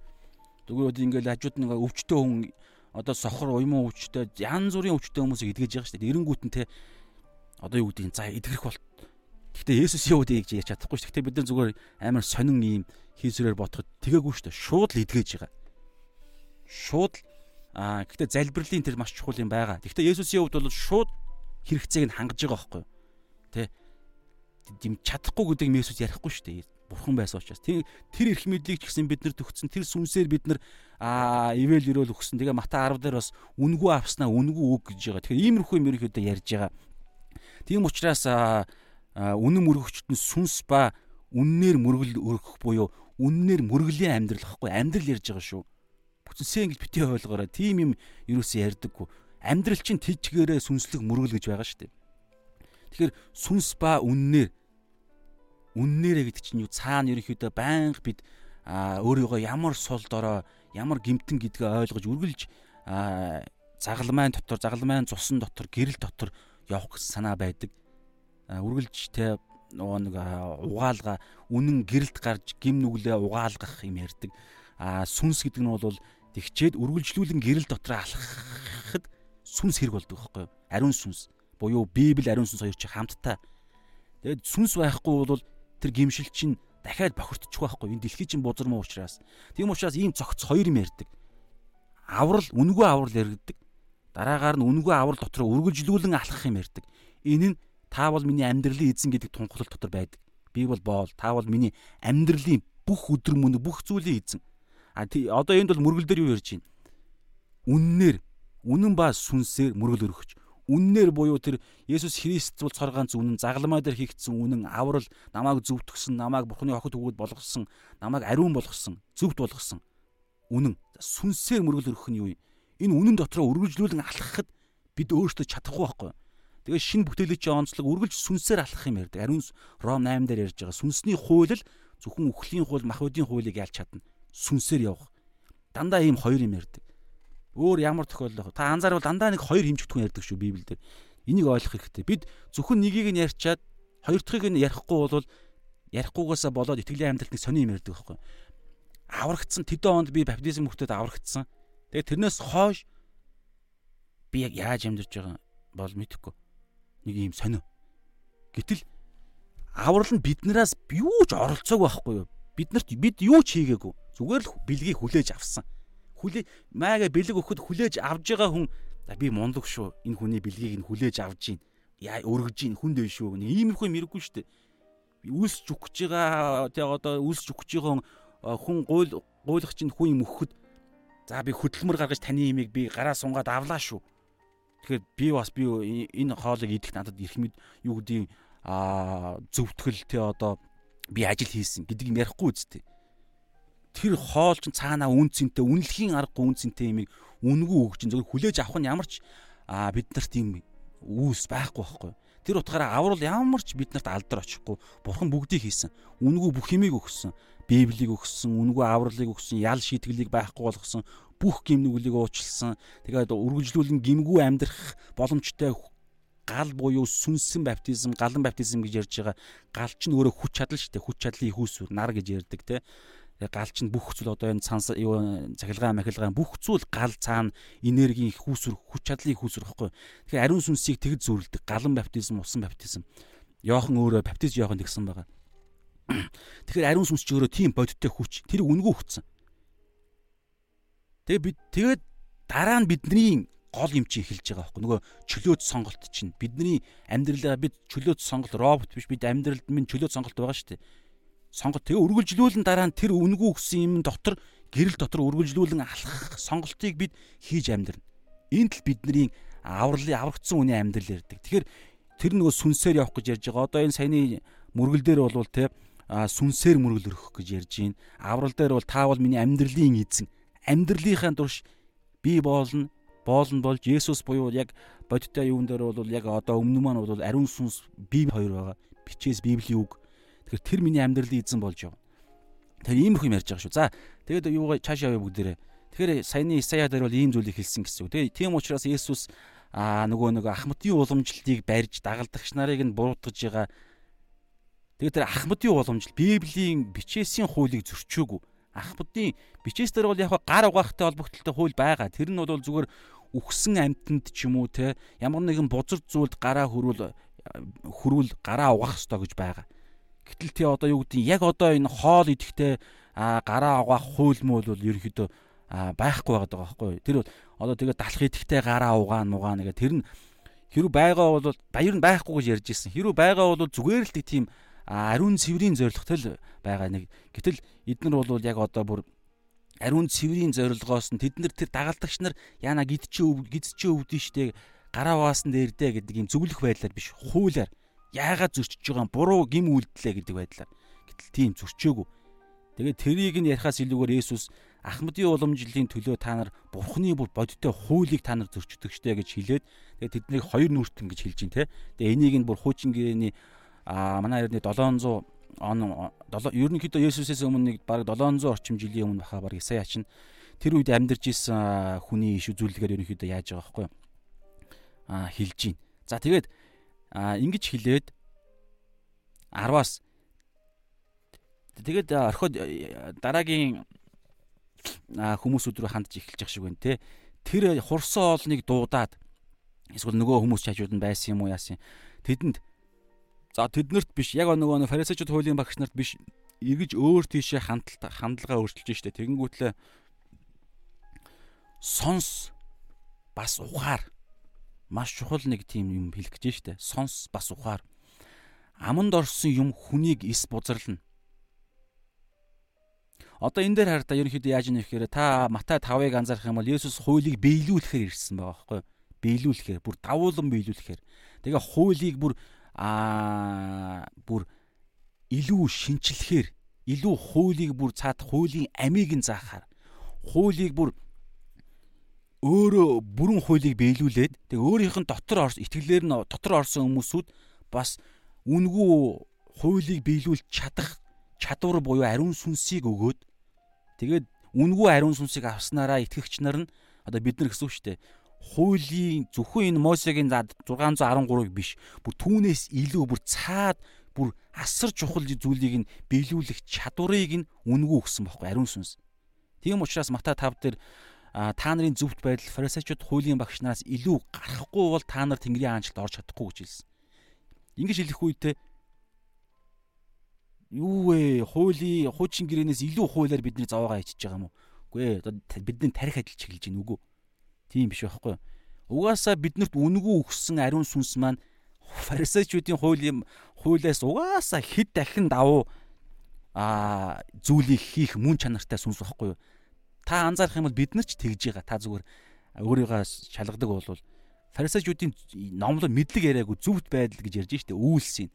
Бидний үйлс яг итгэгч хүн дээрээс төрсөн итгэгч хүн бол та анзаарвал бид нар өөрчлөгд гэрэлтэж өөрчлөгдөж байгаа олон зүйл байгаа. Тэгэхээр энэ дотроо үргэлжлүүлэн явж үүнийгээ сүртэй болгоод ахиж явах бид нар хэрэгтэй байгаад байгаа шүү. За тэгээд Одоо тэгээ тэгэнгүүтлээ ярьж байгаа байхгүй юу?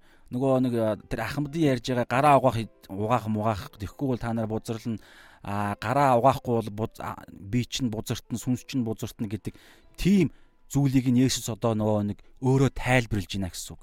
Яг юу хүнийг бузралт юм? Гараа угаахгүй нь бузралт юм уу? Эсвэл өөр зүйл байна уу? Аа Матай 5 дээр тэгсэн шүү дээ. Хүн алах нь гим хүн алах нь өөрөө өөхөх ёстой гим нүгэл бузар муу гим нүгэл штэ хуулийн аимшигтай заалтыг зөрчиж байгаа. Гэтэл Иесус Матай 5 дээр бол үзен ятах нь хүн алахтай адил хүн алах юмаа гэж ярьсан байхгүй. Яг энтэй адилхан одоо юу хүнийг бузралдаг вэ гэдэг дээр гол имийг нь дахиад тайлбарлах чинь. Тэгээ бас хүн завхаарх нь гим нүгэл гэсэн. Бүү завхаар. Харин эмхтэй хүнийг дачаадан эсрэг хүснэл гэсэн үг. Дачаадан харах нь өөрөө завхаарсан гэж дахиад бүр цаад хуулийн цаад үр гим нүгэл бий болдог үрийг нь Есүс тайлбарлсан. Тэгээ энийг хин хийж чадах юм гэхээр ер нь бол уулан дээрх сургаалч э, нь ямар сургаал вэ гэхээр ирээдүйд үхэл амьлалтанд нь итгээд ариун сүнсээр ариун сүнсийг нь э, хүлээж аваад шин гэрээний шин бүтээлд ус ба сүнсээр дээрээс төрсэн шин бүтээлийн хүмүүсүүдийн буюу чуулганы чуулганы итгэгч нарын төлөв байдал чинь Матай уулан дээрх сургаал واخгүй юу? Бид нар яг Матай уулан дээрх сургаалын дагуу бид нар амьдрч чадах хүч нь нөгөө галан баптизм буюу тэр хүч нь биднэрт өөгдсөн байхгүй юу? Тэрийг бид мэдээд оюун ухаанаа шинчлээд Эфес 4 дээр байдагчлан оюун ухаанаа шинчлээд хуучин хүнээ тайлаад шинэ хүнээ өмсөөд бурхнаар бүтээгдсэн. Бидний үүс оролцоог байхгүй юу? Бид энийг мэдэх нь гол нь асуудал. А мэдхгүй байгаа нь асуудал болоод байгаа байхгүй юу? Тэгээд чуулган одоо Монгол чуулганд ч гэсэн яг юм нарийн зүйл ярих ярьж байгаа байгаасаа гэж найдаж байна ярихгүй бол бид нөгөө ярих ёстой багш нар нь хоёр дахин илүү шүүлтэнд орнож Библиэлд байгаа шүү дээ. Буруутан болно. Ярих ёстой юм а ярих хэрэгтэй. Бид ийм гайхалтай хэмжүүр стандартаар амьдрах дуудлагатай байтал энийг нь заадаггүй сүм чуулган байвал юу болж гинэ? Яагаад Бурхны заах ёстой агуу захимжны тушаалыг биелүүлэхгүй байна? Шүүлтэнд орно шүү дээ. Мэдээж нөгөө а авралыг нь авралыг нь авах шүүлт гэж ярихгүй л байх л да. Би тэгээ сайн судлаагүй. Гэхдээ шүүлт гэж хэлсэн шүү дээ яг тодорхой. Хоёр дахин илүү шүүлтэнд орно. Цусны буруутан болно шүү дээ. Балчир хүмүүсийг бүдрүүлэх чинь зүгээр бүд төгснөөс бараг зүгээр термийн чулуу толгоондоо хийгээд нууранд өгсөн дээр гэж Иесус ярьж байгаа шүү дээ. Тэгэхээр ийм аюултай, ийм хариуцлагатай үүрэг хүмүүс хийж байгаа учраас Библийн хилдэг санааг нь хэлэхгүй бол энэ дэлхийн ертөнцийн чинь ингээд арчлал сайхан сайхан энэ хятадууд дайраагүй, орсууд дайраагүй, Америк дайраагүй ингээд зүгээр гоё болж ингээд энэ дэлхий энэ бодит байдлыг сүнсний амьдралж бодоод байгаа юм биш үсттэй үгүй үсттэй. Тэрийг уг нь мэдмээрийн те. Тийм учраас энд чинь маш бодиттой юм ярьж байгаа байхгүй юу?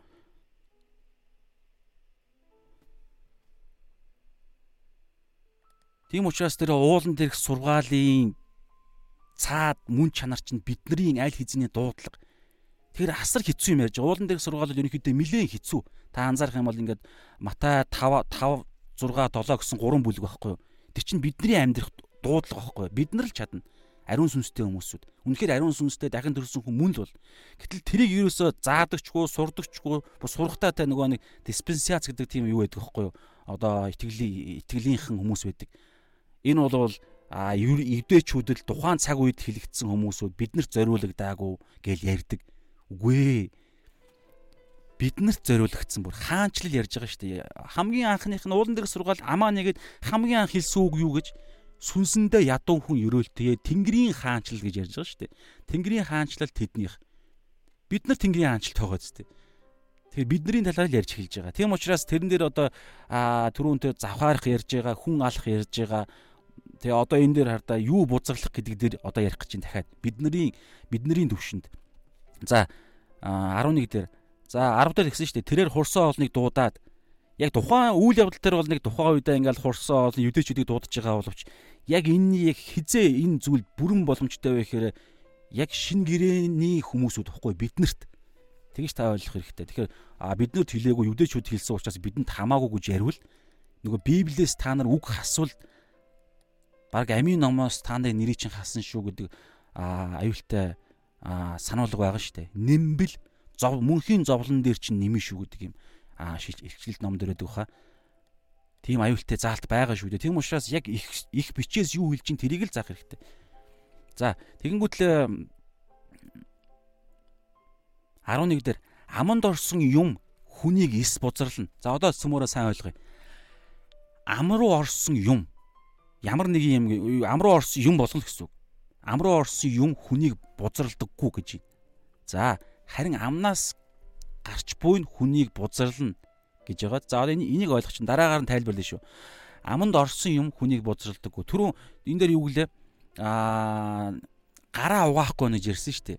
Тэгэхээр тэр гараа угаах хууль дүрм гэдэг тэр уламжлалыг нь заншил заалтыг нь Есүс түрүүн үүсгэсэн те буруу гэдгийг нь хэлсэн. Гэхдээ цаад одоо юу гэдгийг үнэхээр тэр идж байгаа одоо тэгтээ тэр цаа тэр заалтан дээр түрүүн хэлсэн чинь мишна дээр тэр хурууны үзүүр дээр чөтгөр мөтгөр байдаг гэж хүртэл за тэд нар үздэг байсан учраас гараа угаадаг байсан гэсэн юм бас байгаад байгаа байхгүй.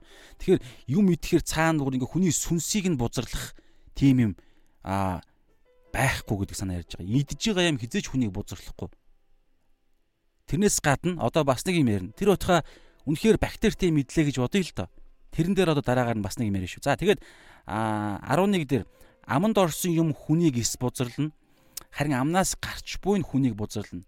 За энийг дараагаар нь тайлбарлах юм. 12 дээр шав нар нь ойртож очиод түүнд энэ үгсийг тань сонсоод фарисеучуд бүдрэн бүдрэн ундууцсныг та мэдрвүү мэдвүү гэжээ. Фарисеучуудыг сая та нэлээд эвгүүдүүлчлээ дээ гэсэн санаагаар хэлж штэ баг те та хитрхи хатуу байгаа юм шүү гэсэн юм аяга хэлсэн байж магадгүй зүгээр мэдэхгүй. Тэгэхээр харин 13 дээр хэлж ийн Есүс харин Есүс хариуд нь дагалдагч нартаа Тэнгэрлэг эцгийн минь тариагүй алив ургамал үндсээрээ суглагдана.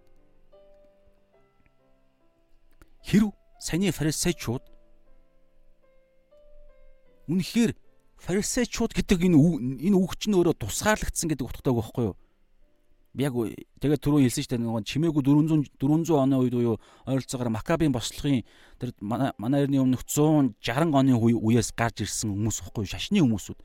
Эргээд бүгдээр ягаад гэхээр нөгөө сирчүүд аа тэр грекийн сирчүүд э, израилчуудыг эзлээ тэгээд сүм чуулганыг нь бузартуулаад тэр ариун ариунаас ариун газар дахтай тэр нэгүслийн авдар ариун авдрын нэгүслийн тэр таган дээр нь гахаа махаа нядлаад алаад бузартуулсан байхгүй.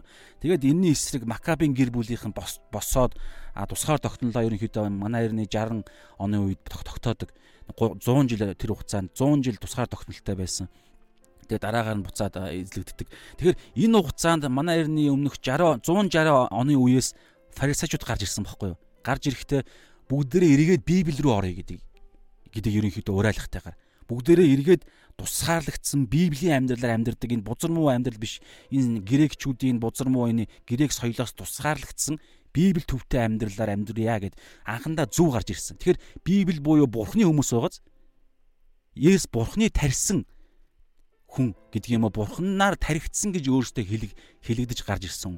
Хуулийн багш нарын үе хамгийн анхны хуулийн багш түрүүн юу гэлээ хин гэлээ Эзра гэсэн шүү дээ ерөнхийдөө бол Эзра тийм. Гэтэ яг хуулийг өгсөн бол Мойсе байгаа те. Дараагаар нь хуулийг тайлбарлаж заадаг хүмүүс ерөнхийдөө Эзра гэж ярьж байгаа. Гэтэ хуучин гэрээний иш үзүүлэгч нар ч гэсэн ерөнхийдөө бол хуулийг Бурхны үгүйд амжуулдаг гэдэг утгаараа байгаа. Гэтэ бүр тэд нарыг бичээс болоод дараагаар нь заадаг хүмүүс нь гэж байгаа. Тэгэхээр дандаа Бурхны хүмүүс, Бурхны төлөөлөгч нар гэсэн үг шүү дээ. Тийм учраас одоо энд ярьж байна да. Таасаа фарисеучуудыг фарисеучуд хуулийн багш нарыг бас нэлээд та шүүмжилчлээ яна мана гэсэн маяг юм ярих үед Есүс хариуд нь юу гэж байна? Тэнгэрлэг эцгийн минь тариагүй аливаа ургамал үндсээрээ суглагдана. Хэрвээ энэ хүмүүсүүд үнэхээр тэр өөрийнхөө зүүсэн цол хэрмгийнхаа дагуу үнэхээр фарисеучуд буюу бурхны төлөө тусгаарлагдсан хуулийн багш нар буюу бурхны хуулийн заадаг буюу бурхны ам ам нь үг нь болж бурхны төлөөлөгч нар болсон хүмүүс буюу бурхнаар таригдсан бол саяны хатуу үгс хизээч хатуу үг болохгүй. Харин ч нөгөө 2 дугаар Тимот 3:16 дээр 2 дугаар Тимот биш дээ 1 дугаар Тимот аа яны харыг мартчихад байх юм. Аа байдагчлан бурхны бичээс бүр заах бурхны амьсгалснаар байгаа бөгөөд заахад зэмлэхэд заахад зэмлэхэд залруулахад зүвт байдал чиглүүлэхэд тэгэхээр хэрэг үнээр бурхнаар төрөх таригдсан бол Бурхны хүмүүс ямар ч үнэн үг дамаа энэ Бурхан өөрийнх нь Есүс гэдэг байгаа өөрийнх нь Бурхных нь үг хизээч хатуу болдоггүй байхгүй хайртай хүнээ сахилгажуулдаг гэдэг сургаал зөвлөл байгаа шүү дээ. Тэгэхээр яг Бурхны хүн Бурхны хүнийх нь Бурхны хүн Бурхныхаа үгийг хичнээн хатуу байсан ч тэр хүн суглагдж Бурхныхаа тэр хүн ундаггүй үргэлж тэнд юм болж идэг, гоё юм болж идэг. Тэгэхээр энэ дээр бас дахиад шүүлт болч, ёо шүүлтүр болчихж байгаа байхгүй юу? Тэнгэрлэг эцэг минь тариагүй алив уургам бол хэрүү тариагүй болвол угаасаа энэ бурхных биш учраас үндсээрээ суулгадана. Бараг тэр энэ саяны хэлсэн үг нь үгийг тэд нар яаж хүлээж авч байгаагаас шалтгаалж өөрөө тэр нь шүүлт болно гэсэн. Одоо энэ дээр холбогдлолтой бас нэг ишлэл доор гарч ирнэ. За. Тэгсэн. Аа тэгээд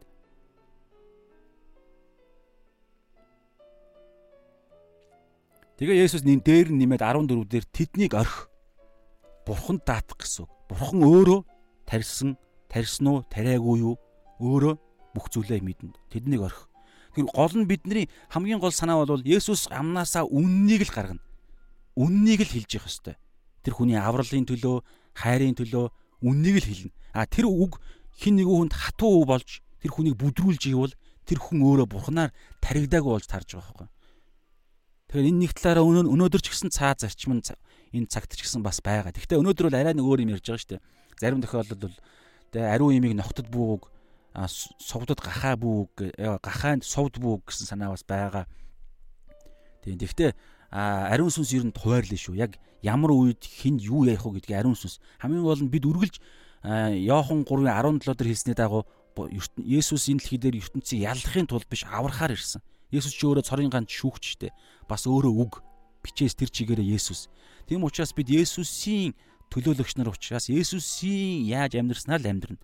Есүс яах гэж энэ дэлхий дээр ирсэн бид яг тийм л зорилгоор амьдарч байгаа. Тэгэхээр бид яллахын тулд хизээж үгнээс амнаас үг гаргаж болохгүй. Есүс сая энд бол Есүс яллаагүй байхгүй юу?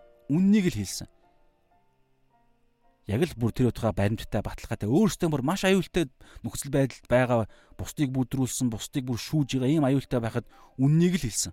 Тэгээ энэ хоёр нүүртнүүдэ гэдэг нь үг чинь хатуу сонсогдож байгаа мэт боловч ерөөл байхгүй юу? Бурхан хоёр нүүртнүүдэ гэж хэлээд шууд тэр дор нь аянга цохоод алчааг бол гимших боломж байна л гэсэн. Энэ хатуу үгний дараа тэд нар гимших ёстой байсан байхгүй юу? Яг л Петр шиг дараа нь гимшдэг. Бас Давид шиг гимшдэг Батшебатай завхаарчаа дараа нь гимшдэг.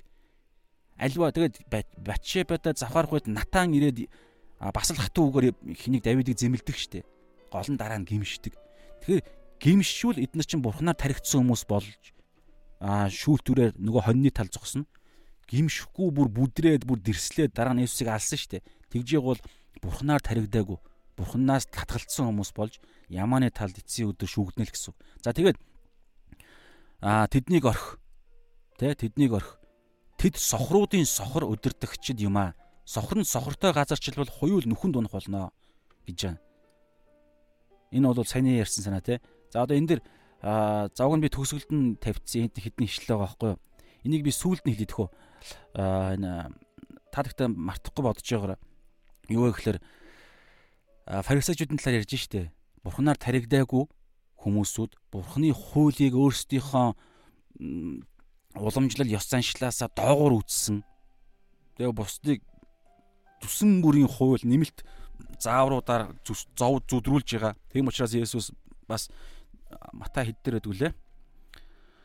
11 12 дээр байгаа юу? Тэр хавцаа байж санагдчих чинь те. Зов зүдрэгсдээ бүгд над руу ир би та нарт амралтыг өгье гэж байгаа. Энэ энэ элдв янзын хүний зохиосон хууль дүрм уламжлалаар зов зүдэрж байгаа хүмүүс байхгүй. Тухайн үедээ бол өнөөдөр ямар бид нарт би одоо өөр бичээсээр орчлоо те түрүүний ярьсан тэр эцэд төлцсөн хүн дарамт үүрсэн хүмүүсээ бүгд над руу би та нарт амралтыг өгье гэдэг энэ зүйл чинь яг тухайн хам сэдвэн болохоор яг энэ яг энэ баахан нэмэлт хуулиуд Библиэлд байхгүй баахан хууль. Гэтэ Библиэлд байгаа хууль нь хүртэл хүмүүсүүдийг буруутгах зорилготой байхгүй юу?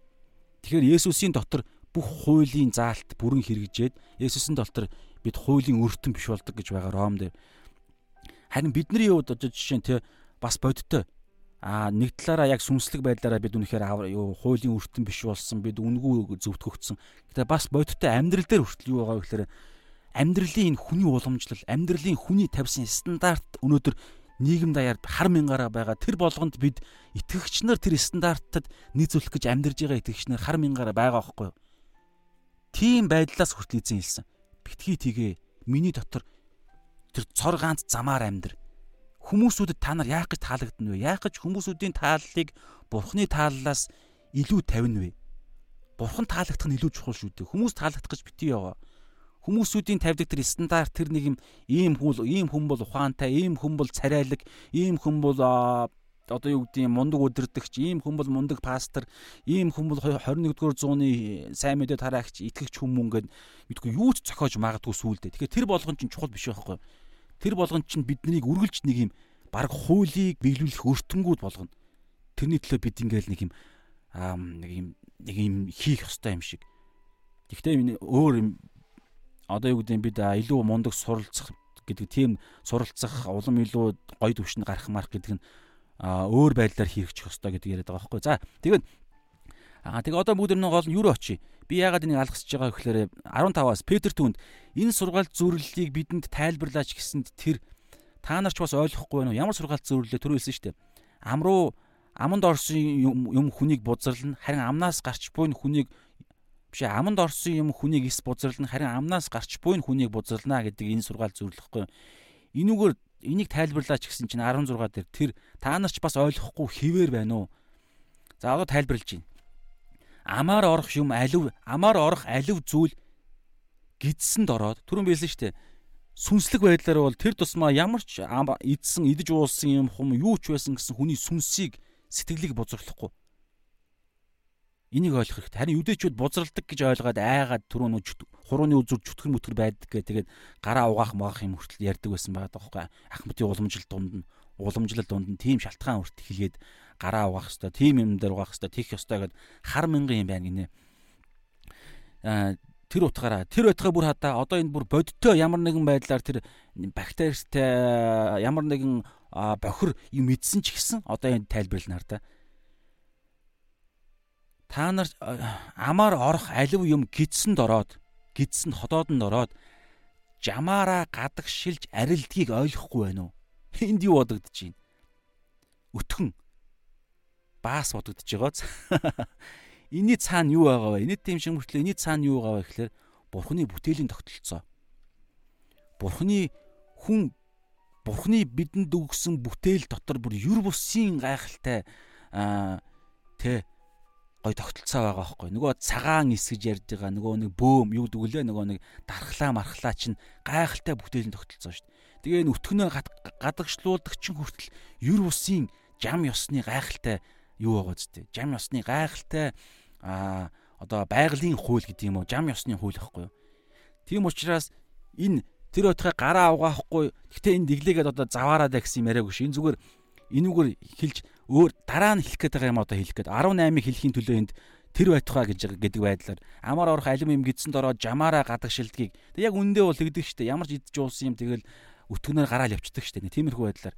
А тэгэнгүүтлээ гол нь нөгөө тэдний яагаад гараа угаах хэрэгтэй гэдэг цаана айлгаад байгаа тэр гол имийг нь Есүс сая одоо энэ тарда яг жинхэнэ гол юм чинь идэж ууж байгаа орж байгаа юм биш гарж байгаа юм гэдэг нь илүү аюултай гэдэг ярьж байгаа байхгүй 18 харин амнаас гарах зүйлс нь зүрхнээс гарч энэ нь хүнийг бузралдаг. За амнаас ерөнхийдөө юу гардыг? Үг гардаг штеп үг. Үг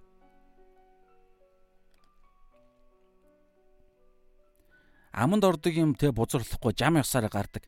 Харин амнаас гардаг зүйлс зүрхнээс гардаг гэдэг байгаа байхгүй. Тэгээд Матай 12-ын 34 дээр байгаа. Зүрхний бэлхлаар ам ярддаг гэж байгаа.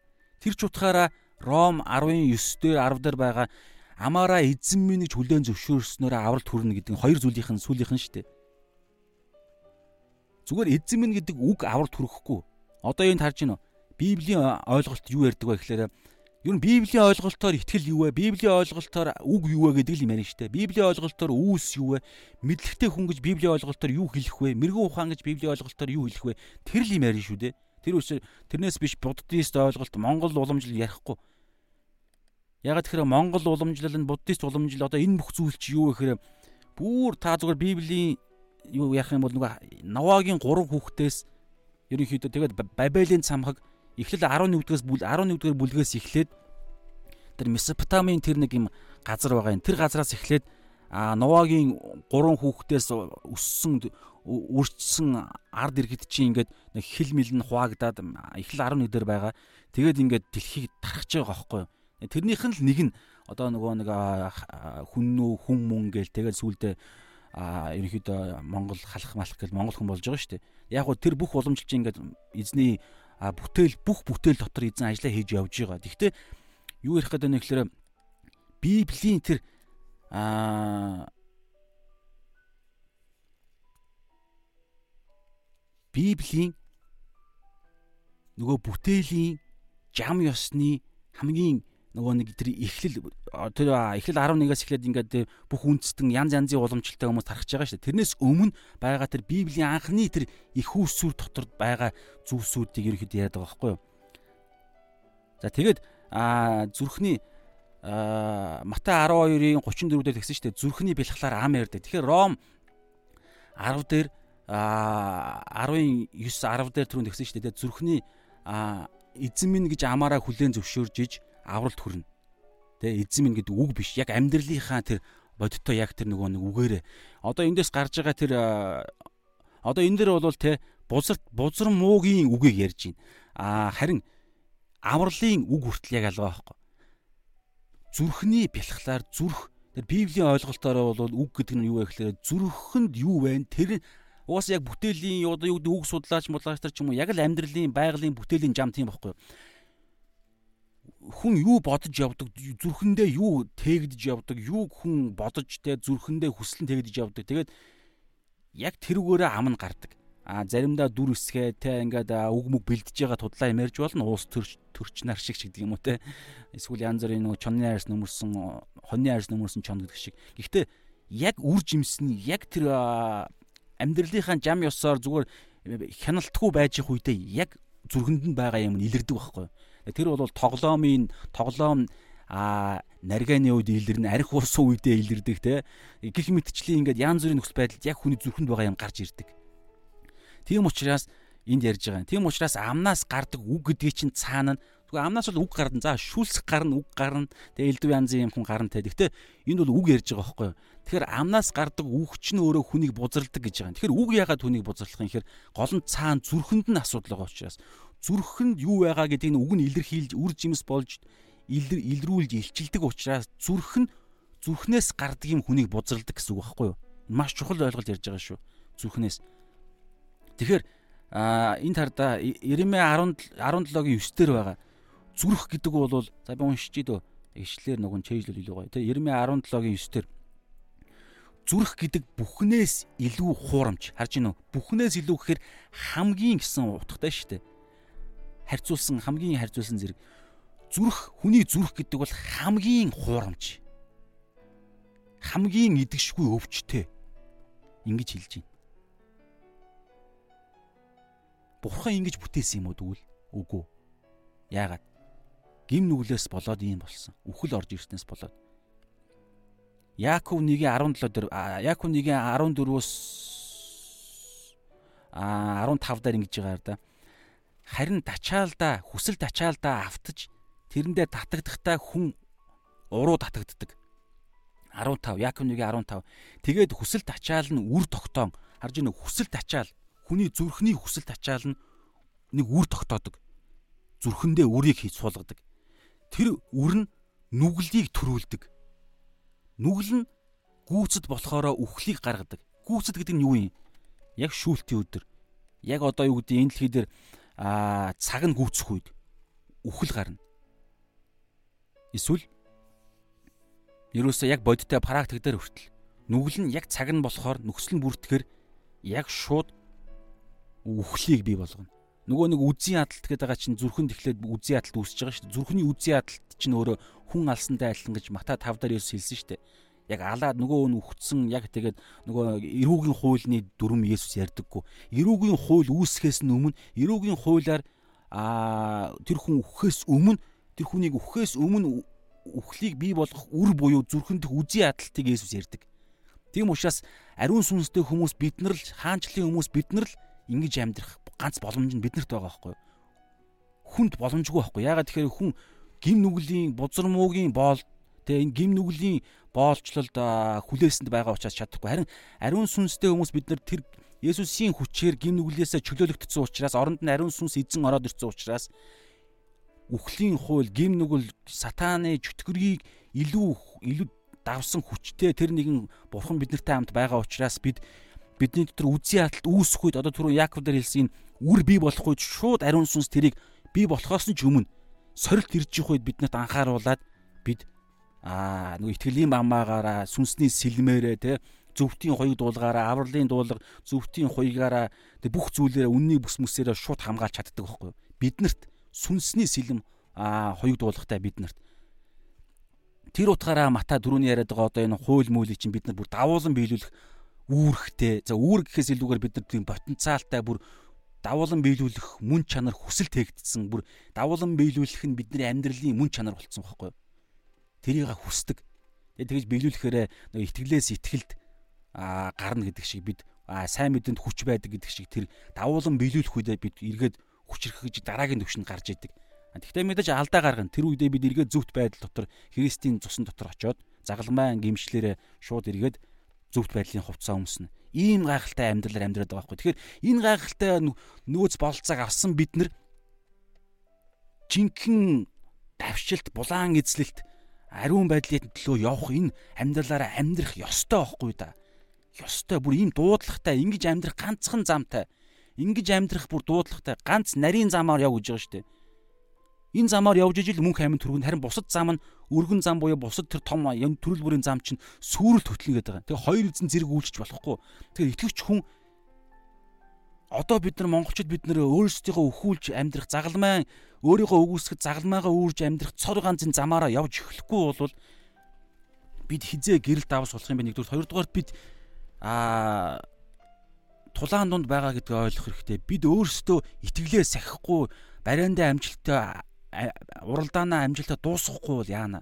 Паул хэлж байгаа шүү дээ. Тийм учраас л одоо дорой надаараа хүртэл дамжуулаад бас тунхаглагдж ил байна.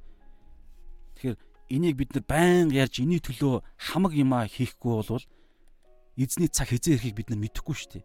Мөнхийн аа хувь тавилангийнхаа төлөө өнөөдөр ажиллахгүй гэж юу? Яагаад бид нар нэг юм дэлхийн ийм ямар ч утгагүй аа энэ ямар ч зориггүй энэ амьдралын төлөө явах хэрэгтэй юм бэ? Одоо юу гэдгийг үр хүүхдийнхээ төлөө, өв хүүхдийнхээ эрүүл мэндийн төлөө те ингээл мөнгө цаахуу маахуу ингээл амьдралын зорилго морилго явна л. Тэр бүгдий чинь зорилго нь Матай 6-гийн 33 буюу Бурхны хаанчлал зөвхт байдлын төлөө шүү дээ. Тэгэж бид нар үнгүй аймаг өгсөн. Эсвэл тэр тэгэж бид нар амьдраагүй юм уу? Тэр амьдрал руу явж орж ороогүй байгаа юм уу? Эсвэл тэгвэл шаал өөр зүйл яригдах байхгүй. Тэр тийм зүйл байнга сануулад байгаа. За тийм учраас түрүүний энэ дээр хэлж байгаа шүү дээ. Амар харин амнаас гарах зүйл нь зүрхнээс гарч зүрхнээс гардаг. Тэгээ түрүүний Иремья дээр хэлсэн шүү дээ. Зүрх бол хүний зүрх бол ийм болцсон байхгүй юу? Хүний зүрх оюун ухаан амар гоо ингээл хичээж болно л да сайн сайхан. Гэтэ зүрхэнд нь өөрт нь бид зүрхэндээ итгэж болохгүй байхгүй юу? Зүрх маань өөрөө юу вэ гэхээр хамгийн хуурамч, хамгийн эдгэшгүй өвчтэй гэж штэ. Хүний зүрх, миний миний зүрх, таны зүрх. Тийм учраас нөгөө оюун санааны оюун санааны сүнс дотор шинжлэхдэх гин процессыг бид нар хийхгүй болвол энэ зүрх буюу энэ оюун санаа чинь ингээд хуучин ялдарч байгаа хүсэл тачаалын залим их хуучин амьдралын хэм маягтайгаа ялдарж байгаа энэ хуучин хүнийхээ хувцастайгаа явал хуучин хүнтэйгээ амьдрал байвал үр дагавар яаж ирэхийг мэдэхгүй шүү дээ. Сайхан зүйлээ болохгүй. Тийм учраас итгэгч нар давс болж гэрэлтэж чадахгүй байгаад байна. Ян зүрийн ян зүрийн юу хил ам гараал байна энэ тэнд. За. За тэгэнгүүт л одоо энд ингэж нартаа харин амнаас гарах зүйл зүрхнээс гарч энэ нь хүнийг бузралдаг. Бид нарыг бузралдаг зүйл чинь энэ зүрх байгаад байгаа байхгүй. Тэгээд амнаа зүрхний илэл болсон амнаас гарч байгаа үг. Энэ зүрхэн дотор юу байгаа? Яагаад зүрх хүнийг бузарлаад байгаа юм? За одоо бүгдээрээ тийг нь харъя. Яагаад бид нарыг бузарлаад байдаг вэ? Зүрхнээс ёрын юм уу? За одоо хардаа зүрхнээс ёрын юм уу бодол гардаг. Оюун санаа зүрх гэдэг санаа бол ерөнхийдөө нэг шүү. Нэгээр ойлгох хэрэгтэй. За зүрхнээс ёрын бодол. Гэхдээ би эндээс бүр сайн судлаад бүр маш сайн судлаа гэж бодож байгаа юм. Зүр сүнс, зүрх сэтгэл, оюун ухаан гэдэг энэ төвшнийг сайн судалж ойлгох хэрэгтэй. Ямар ч байсан тэр еврейдэр бол байгаа. Бурхны үг бол Бурхны үг бол хоёр талдаа эртээ сүнс сэтгэлийг дундуур нь заагалдаг гэж байгаа байхгүй. Энэ бол гайхалтай илэрхийлэл байгаа даа байхгүй.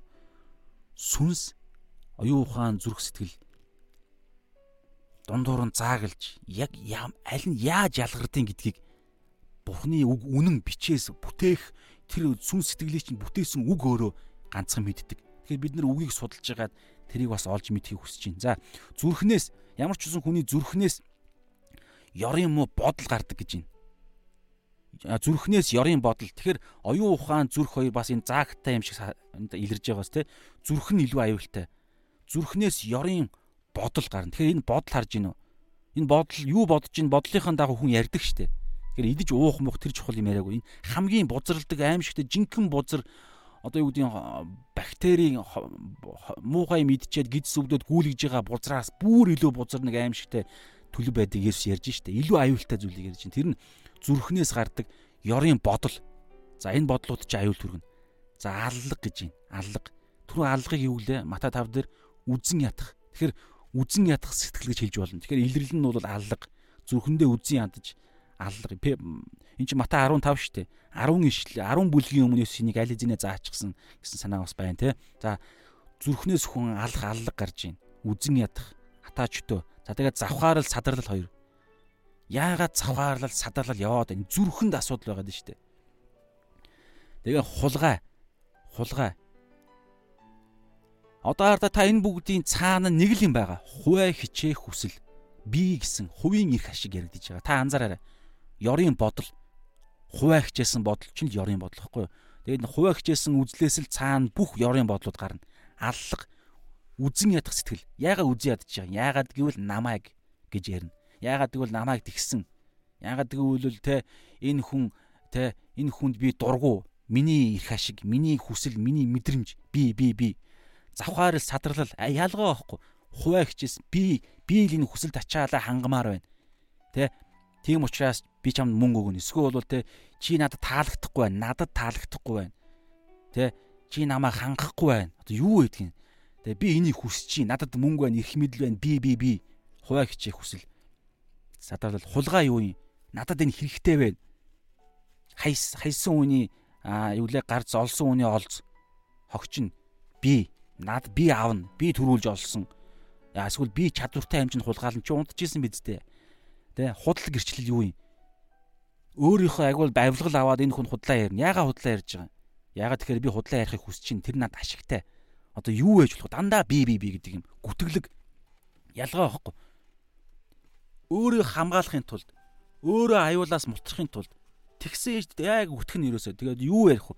Та ингээ анзаарэгдэж байгаа дандаа цаана би би гэдэг юм ярьдаг. Би би гэдгийн чинь илэрлэл нь юу вэ?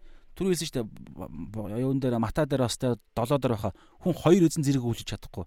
Нэг бол бурханд үйлчлэн, нэг бол маммон буюу маммо гэдэг үг чинь ерөөхдөө эд баялаг, дэлхийн нэр алдар эд баялаг ярьдаг. Эний чинь цаана үндэс нь юу юм? Бий байхгүй юу? Нөгөө нэг эдийн цэцэрлэгийн чинь гол юм чинь тэр шүү дээ. Энэ модны жимсэн сатан чөтгөр юу гэж хэллээ? Могоо энэ модны жимсэн жимснээс идвэл та нар өхгүй харин та нар нүд чинь нээгдээд та нарын нүд чинь өмнө нь өгсөн ариун сүнсний нөгөө төгс нүд биш. Та нарын хувь хүн одоо би би гэдэг нүд чинь нэгдээд тэгээд аа бурхантай адилхан болно. Бурхны дор бурхантай хамт нөгөө нэг юм гурвал биш. Эхнэр нөхөр ариун сүнс гэсэн энэ гурвлын анхны бүтээлийн нөхцөл байдал биш. Эхнэр дангаараа нөхөр дангаараа тэгээд гурвлын дээр нь болохоор чөтгөр өөр ороод ирж байгаа Тэгээд бурхантай адилхан болно. Бурхны тогтоосон сайн мууг мэдэх, бурхны тогтоосон тэр ялгаж салах ухаанаар биш, бурхны тогтоосон дүрм хуулиар биш. Өөрөө хуулиа зохионо. Өөрөө бурхан шиг болж, өөрөө энэ дэлхий дээр бурхан нь болж амьдрна. Амьдралынхаа эзэн нь би өөрөө байна. Тэгэхээр бурхан намайг өдөртөхгүй. Тийм учраас та одоо ингээд манай хамаатан саданч байгаа, танайханд ч байгаа, угаасаа хаасайг байгаа, ETS буюу бурхангүй үзэлтэй хүмүүсүүд дандаа энэ амьдрал мундаг байдаг. Ягаад тэгэхээр би амьдралынхаа эз. Яг нэг Бабелийн цамх шиг бүгдээрээ тэнгэр тултал өндөр цамхаг барья гэд барьдаг штэ. Милээ явдаг штэ. Тэгээ бурхан тэнд аа тэдний тэр бардамнал тэ садалал завхаарлал тэр бүх зүйлийг нь бурхан эсэргүүцэж шийтгэж аа хил түсэн бүрийн хилээр тараад тараад бутаргадаг. Тэгэхээр тэр тийм учраас тэр Бабел, Вавилон гэдэг юм чинь элчин номон дээр хүртэл гарч ирдэг байхгүй юу? дэлхийн ертөнц бурхангүй дэлхийн ертөнцийн эв нэгдлийн нөгөө глобалчлагдсан дэлхийн ертөнцийн асар том хүч чадал глобалчлалын хүч чадал ч ерөөхдөө Бабилийн цамх байхгүй юу. Тэр утгаараа элчил номон дээр ч гэсэн Вавилон гэдэг агуу их янхан им Вавилон нурж унлаа гэж байгаа шүү дээ. Чөтгөртөө өөрийгөө худалдсан янхан юм багхгүй юу. Бурхан эхнэрээ болоод албан ёсны а гэрээгээр авсан ихнэрээ тэр анх бүтээл чинь тэгж бид нар бүтээгдсэн шүү дээ. Амин амьсгалыг нь бурхан гэж үлээж оруулснараа бурхан бидний ам болж тэгээд мөнхийн усад ч гэсэн бид сүут бүсгүй бурхан бол сүут залуу гэдэг тийм илэрхийлэлээр гайхалтай дотн ихнэр нөхрийн харилцаа чинь маш гоё шүү дээ. Тэгэхээр тэрний бүр тэр чинь бол зөвхөн сүүдэрнэ гэдэг байгаа. Жинхэнэ бодиттой харилцаа тэнгэрийн усад бий болно. Тэгэхээр жинхэнэ гэрээнийхээ ихнэр нөхрийн гэрээний дотн нэгдлээ бид гэрээгээ татгалзаад оронд нь янхан янхантаж гэдэг юм уу те а тэр чөтгөртэй бид үхлийн холбоо тогтоосон байхгүй. Тэгээ Вавилон үр дагавар нь тэр энэ дэлхийн ертөнц энэ дэлхий дээр бурхан биш зөвхөн хүн дангаараа бурхан байна. Тэгээ хоорондоо инх тайван ирэх чөлөө ив нэгдэл ярина. Бурхан ерөөс ярихгүй голно. Тэгээд эцсийн цагт чинь антихрист гэдэг байгаа чинь тэр байхгүй юу? 666 гэдэг тооны чинь цаана уламжлал хүний уламжлал одоо энэ өнөөдөр ярьж байгаа tradition буюу хүний уламжлал цаана илэрдэг гэж судалгаа бас байгаад байгаа байхгүй. Бурхангүйгээр хүн өөрөө стандарт тогтоож уламжлал тогтоож тэр нь ийм бурхан мурх наа шашинжи хэрэггүй бид нар энд гайхалтай нийгмийг зохицлон байгуулж ийн гэж ярина. Эцсийн цаг үед ийм юм ярьж байгаа байхгүй. Тэгэхээр эн чин тэр аа нөгөө нэг эдийн цэцэрлэгт энэ би би гэдэг үзэл чинь тэрийг бий болгож байгаа юм Тэгээ арчилт чи юу гэдэг вэ? Нэг хүний ирэхээс нэг хүний ирэх нөгөө хүний ирэхээр хязгаарлагдана. Тэгэхээр нөгөө хүнд гай улаагүй бол энэ хүн өөрөө юу бол юу хийж болно. Одоо бид нар бол ариун сүнсний сүм болсон бидний биш үү гэтэл арчлал бол юу ярих вэ? Хар тамхиа татна уу, трансгендер болно уу, хоорондоо те ижил хүүстэн болно уу, тэгээд эсвэл бол яавал яа, юу бол юу ирээдүйд улам олон юм гарч ирнэ. Гэхдээ нэг хүний эрхийг л зөрчихгүй бол тэр хүн хүсснээрээ энэ дэлхий дээр хүчгүй л бол энэ дэлхий дээр хүснээрээ амьдр гэж ярина. Энэ дэлхий стандарт сүлд одоо ийм болж байгаа шүү дээ. Тэгээ сүлдээ одоо Монгол зонгол бүгд ялгаа авахгүй ижил хүүстэн мүстэн бол ерөнхийдөө угаасаа энэ бүх улс үндэстэн сүлдээ хүлэн зөвшөөрнө угаасаа. Ойлгомжтой. Яагаад гэвэл энэ энэ дэлхий ч нөөрөө тийм глобалчлагдсан нэг том юм сүнсний нөлөө байгаа хгүй. Тийм учраас бид нар гэрэлтэж бид нар нөгөө үрийн сүүл хажууд нь Улаанбуудаа хоёр зэрэг урган штэ угаасаа. Гэтэ Улаанбуудаа өрн Мата 13 дээр байгаа Улаанбуудаа өрн өөрөө Улаанбуудаагийнхаа ялгааныхаа онцлогоо гаргаж зэрэг урах үүрэгтэй байхгүй. Бас бид гэрэлтэх үүрэгтэй. Бид сайн зөвхт байдал те ялгаатай амьдралаараа гэрэлтэж гарч ирж ижил энэ бузар нийгэм дунд чинь хүн өөр нэг тэнд нэг гэрэл гараад байх юм энд байгаа нэг баахан өнгө мөнгөтэй гэрлээс гадна тэнд нэг харанхуй тунд нэг гэрэл өөрөөсөө гэрэлтэж байгаа үнийг харна. Ийм ялгаатай бид амьдрахгүй бол бид энэ дунд нь адилхан юм ярьж адилхан дүрм журмаар нь улс төрлөө нь ороод адилхан ингэж явах нь хамгийн бест юм биш байхгүй юу? Ингэж яахаар ерөнхийдөө Есүс ирээгүй байхгүй. Тэнгэрийн хаанчлал ийм биш. Тэнгэрийн хаанчлал чинь угаасаа сүрхээс өмнө амжиж дээрэм хийж аа чөтгөрийн э, юун дээр яг матадороос байгаа яг хүчтэй эрийг нь Есүс өөрөө загалмаа дээр хүлсэн байхгүй сатаныг. Тэгээд гэрт нь ороод бид нар дээрэнд түүрэхтэй байхгүй юу? Яг энэ гэрт буюу нийгэмдэр бид дээрэнд гэдэг санаагаар юу гэхээр үннийг гэрэлтүүлж үнэн сайн мэдээгээр бид нар хажууд нь байгаа энэ нийгмийн хүчээс илүү хүч байгааг илэрхийлж бид хүчээр бид аавна гэдэг цаагаараа юу хэлж байгаа гэхээр сайн мэдээний хүч, үнний хүч, хайрын хүч ярьж байгаа. Түүнээс Эфес 6 дээр хэлж байгаа шүү дээ. Махбодын эсрэг бид тулдаагүй. Сүнсний а энэ энэ дэлхийн захирагчид сүнслэг хүч харанхуй бузар муугийн хүчний эсрэг би тулж байгаа. Яаж? Үнний хүчээр, сайн мэдээний хүчээр, хайрын хүчээр гэхдээ ялгаатай амьдралаараа, үүстэй амьдралаараа амьдралаараа гэрэлтэж. Хүмүүсээ зүгээр нэг юм мэтгэлцээний баахан юм чэдэлчэд очиод хэрэлдэж биш. Тэр ерөөсөө тийм амжилтанд хүрэхгүй. Тэгж мэдлэгээр бид явбал үндэ баг сатаанд хэлэх байхгүй. Гэхдээ яг тодорхой мэтгэлцэх цаг гарч ирнэ шүү дээ. Тэр болгон дээр бид яг зөв зорилгоор бол үргэлж бид а ялах тийм бид нарт дуудлага аль хэзээ эрх мэдэл юу гэдэг дата үнэн бидний талд байгаа учраас а Мата 10 дээр дэгж байгаа шүү дээ. Шүүх шүүлтэнд шүүгчдэр очиод шүүл шүүхтэр очиод та нар юу хэлэх вэ гэж бити санаа зов ариун сүнс та нарт хэрэгцээтэй үг чинь өгнө гэж байгаа. За тэгээд тийм учраас зүрхнээс гарч байгаа энэ бүх бузар муу чинь хуваа хичээх үзлээс гарч байгаа. Тэгэхээр итгэгч нар бид нар хуваа хичээх үзэл үзлийг бид нар өхүүлэх дуудлагатай. Загалмайгаа өөрийгөө үгүйсгээд загалмайгаа үүрэхгүй үүрдэггүй хүн Тэнгэрийн хаанчлал миний дагалдагч байж Тэнгэрийн хаанчлалд орохгүй гэж байгаа шүү дээ.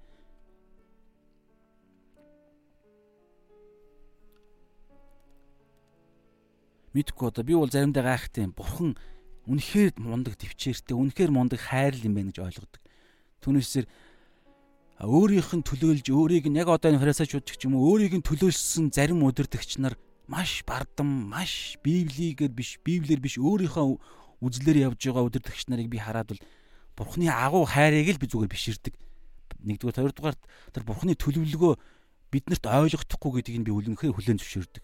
Тэгээ эзэн үнэхээр гайхалтай товлсон цаг байгаа гэд эзэн л даатгадаг. Түүнээсээ би өөрөөрөө сэтгэх гэж оролдоод зөндөө алдаа гаргаж ирсэн.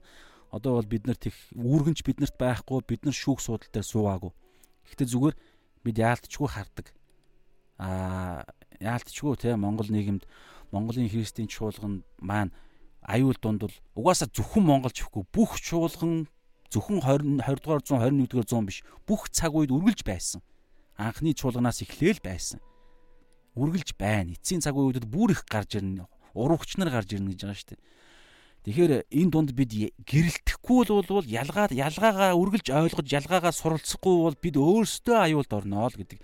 Яг хүн та бид хоёр л энд амиа бодох хэрэгтэй байхгүй юу? Бид яг энэ дангаараа бид гэрэлтэж сурах хэрэгтэй. Хин нэгнээс хамаарна гэвэл бид а ариун сүнснээс хамаарах тулхтай. Ариун сүнс бурхны үгээрээ. Тэр утгаараа л энд Хоёулаа өөд өдөөсөө хараад Библи судалж байгаа тий. За. За тэгээд эдгээр нь хүнийг бузарладаг харин гараа угаалгүй идэх нь хүнийг ис бузарлнаа гэж байгаа тий. Гараа угаа зүгээр яг өвдөж болох юм. Бузарлахгүй байхгүй юу? Бузарлахгүй. Бузар гэдэг зүйл чинь юу ярьж байгаа гэхээр сүнсний төвшинл ярьдаг ерөөхдөө. Сүнс, гим нүгэл яг жинхэнэ бузар гэдэг ойлголт чи юу юм? Гим нүгэл яригдэн штэ.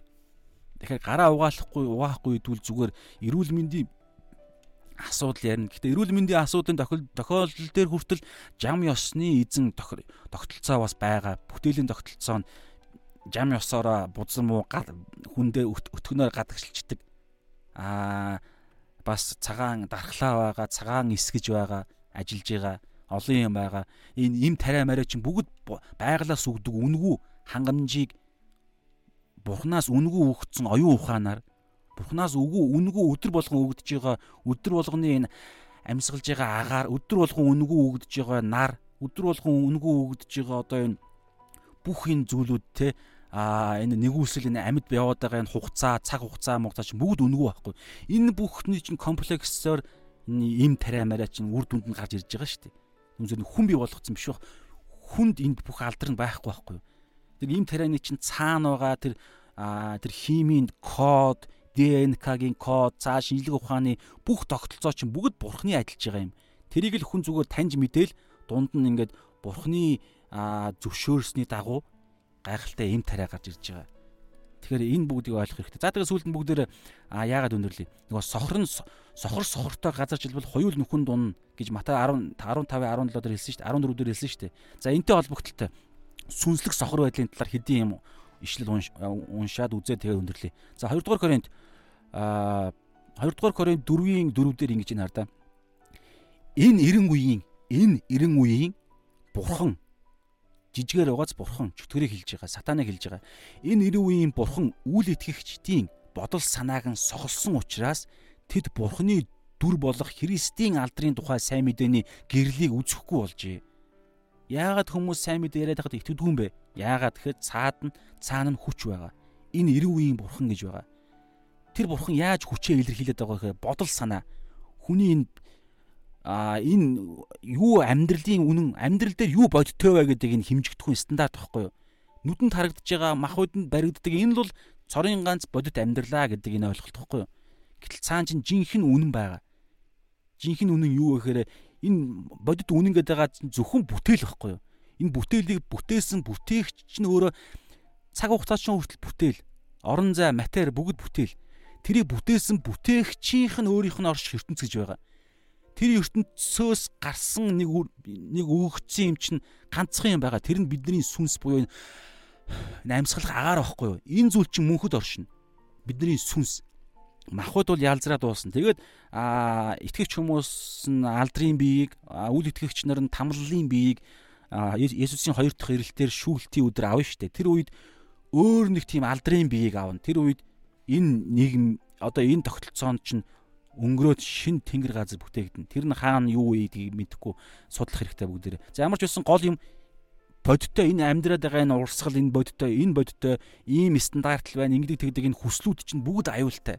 Тийм учраас бид нар өнөөдөр итгэлийн амьдрал амьдрахтаа юу хүсэж байгаагаа, юу бодож байгаагаа, ямар зорилгоор би өнөөдөр алхаж байгаагаа үргэлж чанахгүй бол энэ урсгал чинь аясар аюултай байхгүй юу? Тийм учраас энэ дээр хэлж штэ энэ эргэн үе энэ эргэн үеийн бурхан энэ захирагч нь үйл итгэгчдийн бодол санааг сохлсон учраас тэд бурханы дүр болох Христийн алдрын тухай сайн мэдээний гэрлийг үзэхгүй байна. Харин бид нар үзсэн бол энэ эргэн үеийн бурханд захирахгүй үстэй өгнө маммоныг биш бурхныг эзнээ болгоно үсттэй. Үгүй хүмүүсгүүл хэр эзнээ болгоцсон бол бид яагаад маммоны энэ 90 үеийн бурхны боол нь болж одоо ч гэсэн амьдраад байгаа юм бэ гэсэн санаа. Яагаад бид энэ дэлхийн хүхэн хатан араас нь явдаг зүйлийн хойноос одоо ч гэсэн явсаар байгаа юм бэ? Бүр гэр бүлээрээ яваад байгаа юм бэ? Магадгүй бүр чуулганаараа яваад байгаа юм шүү гэсэн асуулт байнга тавигддаг. За, Йохан 9-ийн Иохан 9-ийн 39.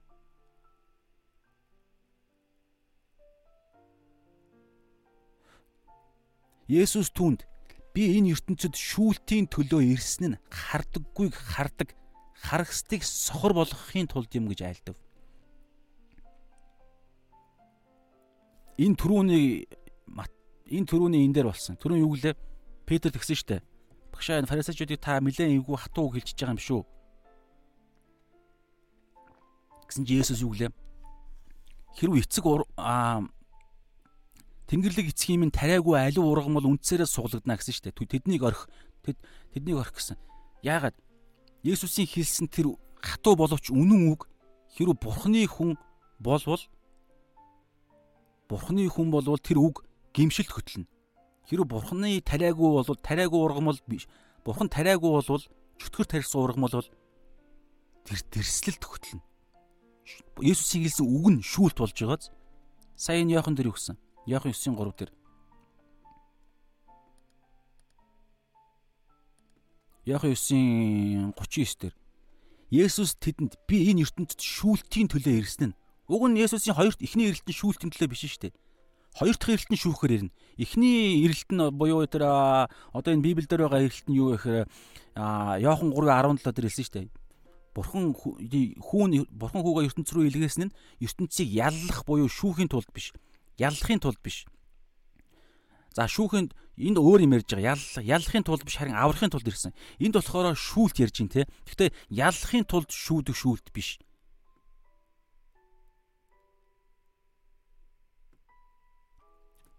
Ялгахын тулд гэдэг юм уу? Ялгах, ялгах одоо ингэж байгаа байхгүй юу? Есүсийн хэлсэн Аа энд хэлж штэ. Есүс би Есүс түүнд би энэ ертөнцид шүүлтийн төлөө ирсэн нь хардаггүй хардаг. Харагсдыг сохор болгохын тулд юм.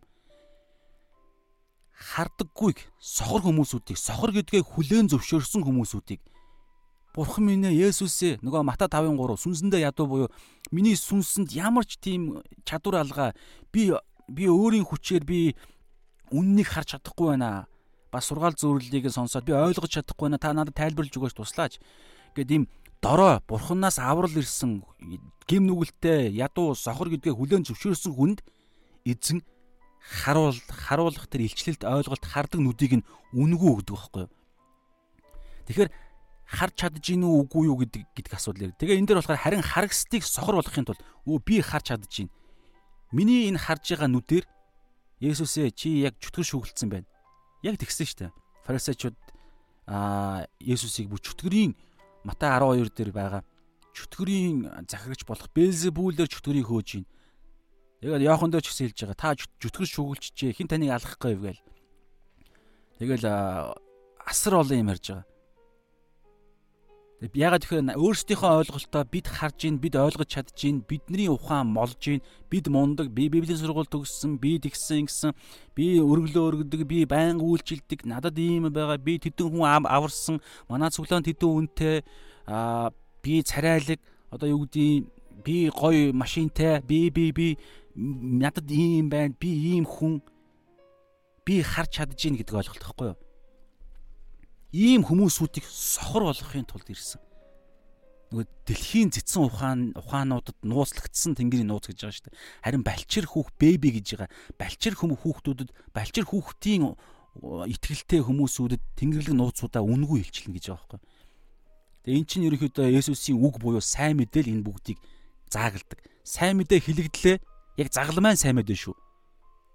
Бу яг загалмайн сайн мэдээ цэвэр үнгүй аврал яригддаг гимээ гимших мэрэгддэг. Үнгүү бэлгэгдэнэ. Үнгүү гэдгийн цаана хүртэл бардамдаг гарууд бол энэ яг шүүл шүүдэг байхгүй. Ямар хүмүүсүүд нь бардам өөрийн гэсэн мэрэгүү ухаантай тэ харж чадж ийн гэж бардамж байгаа хүмүүс байна. Сайн мэдээ ярих үед тэд нар наа доод наад нэг юм шашны нэг юм балаа наад ширэггүй би энд бүр амар мундаг оюуны төвшөнд явж байна Наад нэг зүгээр нэг юм наад чи ядуу сууд Монгол ядуу хүм хүмүүсүүд хэрэгтэй. Би энд надад бол хэрэггүй. Би өөр төвшний хүн гэж ярьдаг. Харж чадж гин. Эдгээрийг сохор хизээ сохор болох юм. Шүүлтийн өдөр. Шүүлтийн өдөр. Шүүлт хоёр шүүлт ярьж байгаа. Ерөнхийдөө өөхөх үед нэг шүүлтээр орно. Аа яг хөө шүүлтээр гэж би зүгээр надад л тийм бай. Ягаад гэхээр үхсний дараа хүн шууд тамд очиж байгаа байхгүй юу? Үхсдийн орны там гэдэг газарт нь Дараагаар нь хоёр дахь эрэлтээр нь бүгд амьлна. Бүх хүмүүс амьлна. Тэр тамаасаа зарим нь деваажингаас бүгд амьлна. Амьлаа тэгээд жинхэнэ эцсийн мөнхөд байх шүүлтээ авахар. Тэгэхээр бүгд шүүлтийн өдөр тэдний ямар сохор байсныг нь ойлгоно гэсэн үг. Гэхдээ энэ дэлхий дээр тэд яг нэг бардамлаад явж л байгаа хэл та. Гэхдээ тэр нь хүртэл үнэхээр зүрх нь хатуураад найдваргүй болох үед тэгээд эзэн тэгээд өөр төвшөнд очих байлгүй. Тэгээ тэр үед сатан зорилгоо биелүүлээд тэгээ тэр хүний амийг нь авах л та. Би нарийн юм бэл мэдэхгүй байна. За тэгээд тэгж гин. За 3 дахь ишлэл 1-р Коринт а 2:14 харин төрлөх хүн бурхны сүнс төрлөх хүн яаж байгаа шүү. Мах бодийн сэтгэлгээтэй, дэлхийн сэтгэлгээтэй хүн гэсэн. Өөрийн сэтгэх, өөрийнхөө ойлголтоор түшгэлдэг хүн гэсэн. Төрлөх хүн бурхны сүнсний зүйлсийг хүлээж чадад хүлээж чаддаггүй хүлээж авдаггүй хүлээж авдаггүй авч чаддаггүй ойлгодоггүй гэсэн санаа. Бурхны сүнсний зүйлсийг мах өдөр явдаг хүн сүнсний зүйлсийг хүлээж авч итгэж ойлгож аа итгэж хүлээж авч нэгдэж чаддаггүй. Ийм хүнд эдгээр нь мунхаглал бөгөөд сүнс сүнслэгээр цэгнэгдэх буюу ойлгогдох учиртай энэ зүйлс зүйлсийг тэр мэдж чаддаггүй. Яагаад вэ гэхээр төрлөх энэ оюун дэлхийлэг оюун ухаанаараа тархиараа бодохоор мунхаг санагддаг байхгүй. Түрүүн яг ярьсан те. Юу вэ? Мөнх ам гэдэг зүйл чинь бүр ингээд энэ дэлхийн ертөнд энэ дэлхий дээр бүр ингээд үлгэр домог мөрөөдөл боломжгүй зүйлийг танаа тэр бурхан ч өгөхдөө зүгээр л үнгүй өгөх гэж байгаа юм уу те. Яг л хүүхдийн тоглоом байна да зайлвал гэж ярина.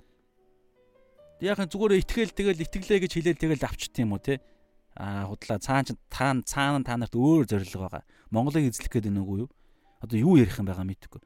Намайг одоо юу гэдэг юм дороо харагдуулах гэдэг нүг. Одоо юу ярих юм би өстө үнэхээр мэдэлж мэдэхгүй. Тэгэхээр тийм Монгол л харагддаг байхгүй юу?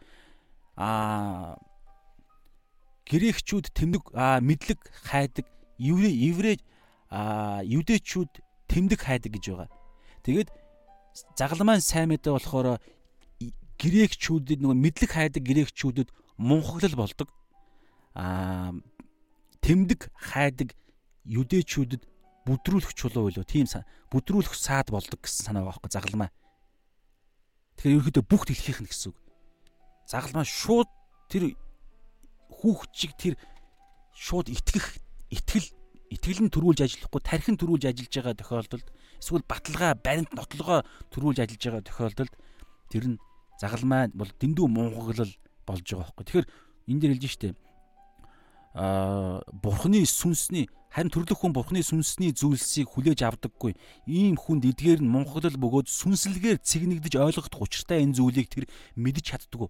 Мунхаг гэж хардаг учраас төрлөх юмараа боддог учраас. Тэгэхээр итгэгч нар ч гэсэн аврагдсан хүмүүс ч гэсэн бид нар биднээс шалтгаалж энэ төрлөхийн сэтгэлгээ чинь арилна штэ. Одоо ч гэсэн байгаа шүү дээ. Библи тодорхой хэлж байгаа. Бид л оюун санаандаа шинжлэхдэх нь процессыг бодиттой ингэж хийж хийж явахгүй бол бодиттой үгэнд суралцаж үгээр хэрэгжүүлж ингэж явахгүй бол зүгээр аяанда энэ өөрчлөгдөхгүй байхгүй да. Тийм учраас итгэгч хүн үргэлжлүүлэн аа нөгөө Йохан биш Ром 7 дээр байдаг хоёр хууль чинь хамт яваад байгаа байхгүй юу? Тэг шинжлэгдсэн энэ оюун санааныхаа сүнс дотор шинжлэгдэх буюу энэ ариун сүнсний хуулиар явахын бодиттой амьдрал дээр юм хийхгүй болвол а үр дагавар гарахгүй шүү дээ. Цаг хугацаа баг хохироонуул гэхээс биш аяанда болчдөг юм байхгүй байхгүй. Бүх юмаа эзэн хийцэн. Тэгээ биднээс шалтгаалж байгаа. Тэгээ ариун сүнс yoolн бай залбирлж байгаа. За Йохан 8 8-ын 12 дээр ертөнцийн гэрэл гэж байгаа те. Тэгээд Есүс тэдэнд дахин ертөнцийн гэрэл гэрэл нүд сохор харж хардаг харанхууд юу ч харж чадахгүй гэрэл аслаа харж чадна гэдэг ойлголт. ертөнцийн гэрэл бол би байгаа юм. Намайг дагдаг хүн, намайг дагаж амьдрдаг, миний явсан замаар явдаг хүн, миний ариун сүнс дотор алхдаг хүн, миний зорилгыг амьдралынхаа зорилгоо болгож явдаг хүн гэсэн. Асар намайг дагдаг хүн харанхуй дотор явахгүй. Дагдаггүй хүн харанхуй дотор явна шүү дээ. Есүсийг дагдаг хүн л харанхуй дотор явахгүй. Тэгэхээр бидний амьдрал Есүсийг дагаж амьдарч байгаа юм уу? Амьдрахгүй бол үр дагавар ойлгомжтой. Тэгээд тэр үед бид гомдлох ирэхгүй бол гомдлох ямар ч тийм ёс зүйн үндэс байхгүй шүү дээ. Тодорхой хэлсэн намайг даг хэцүү штэ гэвэл харин тийм тэгвэл сүнсэндээ ядуу гэдгээ хүлээмжшөөрөөд өдөр болгон ариун сүнсний хүчийг хүсэж амьдр. Ариун сүнснээс хүч аваад хэцүү зүйл нь амархан болгож амьдр. Хүчийг нөхцөн штэ. Ариун сүнсний хүчийг нь бас авдаггүй. Өөрөөрөө амьдрах гэж оролддог одоо юу хүсэж байгаа юм бэ гэдэг тийм сонир асуудал гарч ирж штэ. Тэгэхээр ертөнцийн гэрэл бол бий байгаа юм. Намайг дагдаг хүн харанхуй дотор явахгүй харин амийн гэрэлтэй болно гэж айлдав. За сүүлийн хоёр ихтэл. Нэгдүгээр явхан 2.11 Харин ах дүүгээ үзэн ядагч нь харанхуй дотор байгаа бөгөөд харанхуй дотор алхаж нүдийг нь харанхуй сохолсон тул хаашаа яваагаач үл мэднэ. Харин ах дүүгээ үзэн ядагч нь энэ үзэн ядах гэдэг түрүүн ярьсан те үзэн ядах зүрхнээс гардаг энэ үзэн ядах чинь аллах штэ. Зүрхнээс гардаг энэ үзэн ядах чинь ядалт чинь бидний нүдийг сохолдог байгаад байгаа байхгүй. Харанхуй дотор байгаа бөгөөд нүд нь сохорцсон байдалтай болчдөг. Харанхуй дотор байгаа бөгөөд харанхуй дотор алхахдаг. Үргэлжлүүлэн энэ сохор амьдралаар явна. Харж байна. Аюул, аюултай штэ эн чинь. Тэгээ нүдийг харанхуй нүдийг нь харанхуй сохолсон тул хаашаа яваагаа ч мэдэхгүй Тэгээ хааш энэ явж байгаа алхаж байгаа энэ газар чинь талбай чинь өөрөө сүнслэг тулааны талбай шүү дээ. Тулаан болж байгаа шүү дээ. Алхам тутанд аюул хүлээж байгаа шүү дээ. Тэгэхээр ах トゥ угаа үзий ядна гэдэг чинь асар аюултай зүйл. Үзий ядалт. Тэгэхээр үзий ядна ядах хэрүү тийм зүйл байгаа бол те. Үзий ядах гэдэг энэ зүйл чинь алга ярьж байна. Яагаад үзий ядж байгаа түрүүн ярьсан шүү дээ. Би гэдэг мэдл хувийн их ашиг байгаа учраас Есүс энийг зага Филиппо 2 дээр энэ эрх ашига орхиод бурхан байдаг эрх ашига бурхан гэдэг эрх ашига орхиод боолын дүрийг хүний дүрийг авч аваад үхэлд загалмаа үхэлд хүртэл өөрийгөө өгсөн. Яг энэ амьдралаар бидний амьдрах дуудлагатай. Ариун сүнснийх нь хүчээр буюу бид нар өнөөдөр амьдрахдаа Есүс хүний төлөө ирсэн шиг бид хүний төлөө амьдрах нь амьдрах дуудлагатай. Тэгэх юм бол бидний хуваа хүчээх бие бие гэдэг хувийн эрх ашигуудаа бид өхүүлэх дуудлагатай. Ингиж амьдраад ирэхээр үзийн адалт мадлт юусоо гарч ирэхгүй. Тэгээд тэгэхээр бид гэрэл дотор алхана гэсэн. Тэгээд ирэхээр аюулгүй амьдрна гэсэн. Тэгээд ирэхээр Мата 6-гийн 33 дээр хэлсний дагуу зөвхт байдал хаанчлалын төлөө амьдраад ирэхээр бус зүйлийг нэмж өгнө гэсэн.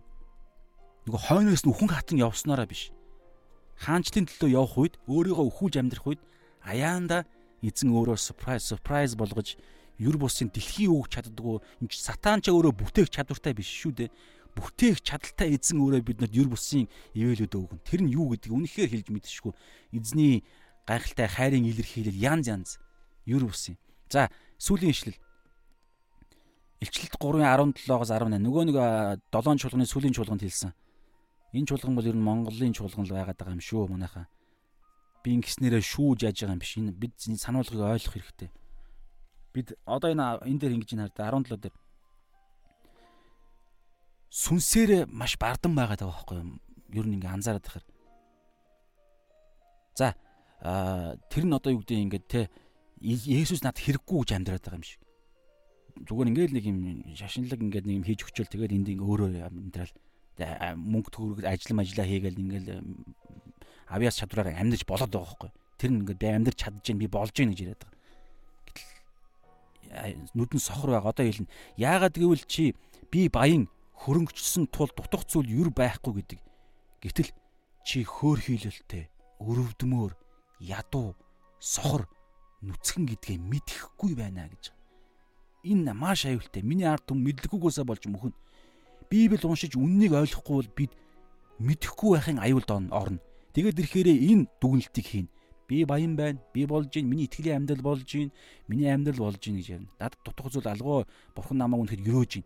Гэтэл бурхан юу гэж хэлж гин. Үгүй би чамаа өрөөгöd байгаа юм биш чи мэхлэгтчээд байна штий. Харин би өрөөмөр байна. Хараад өгөлдөө. Чи хөөр хөлөлтөө өрөвдмөр ядуу сохорт нүцгэн гэдгээ мэдэхгүй байна.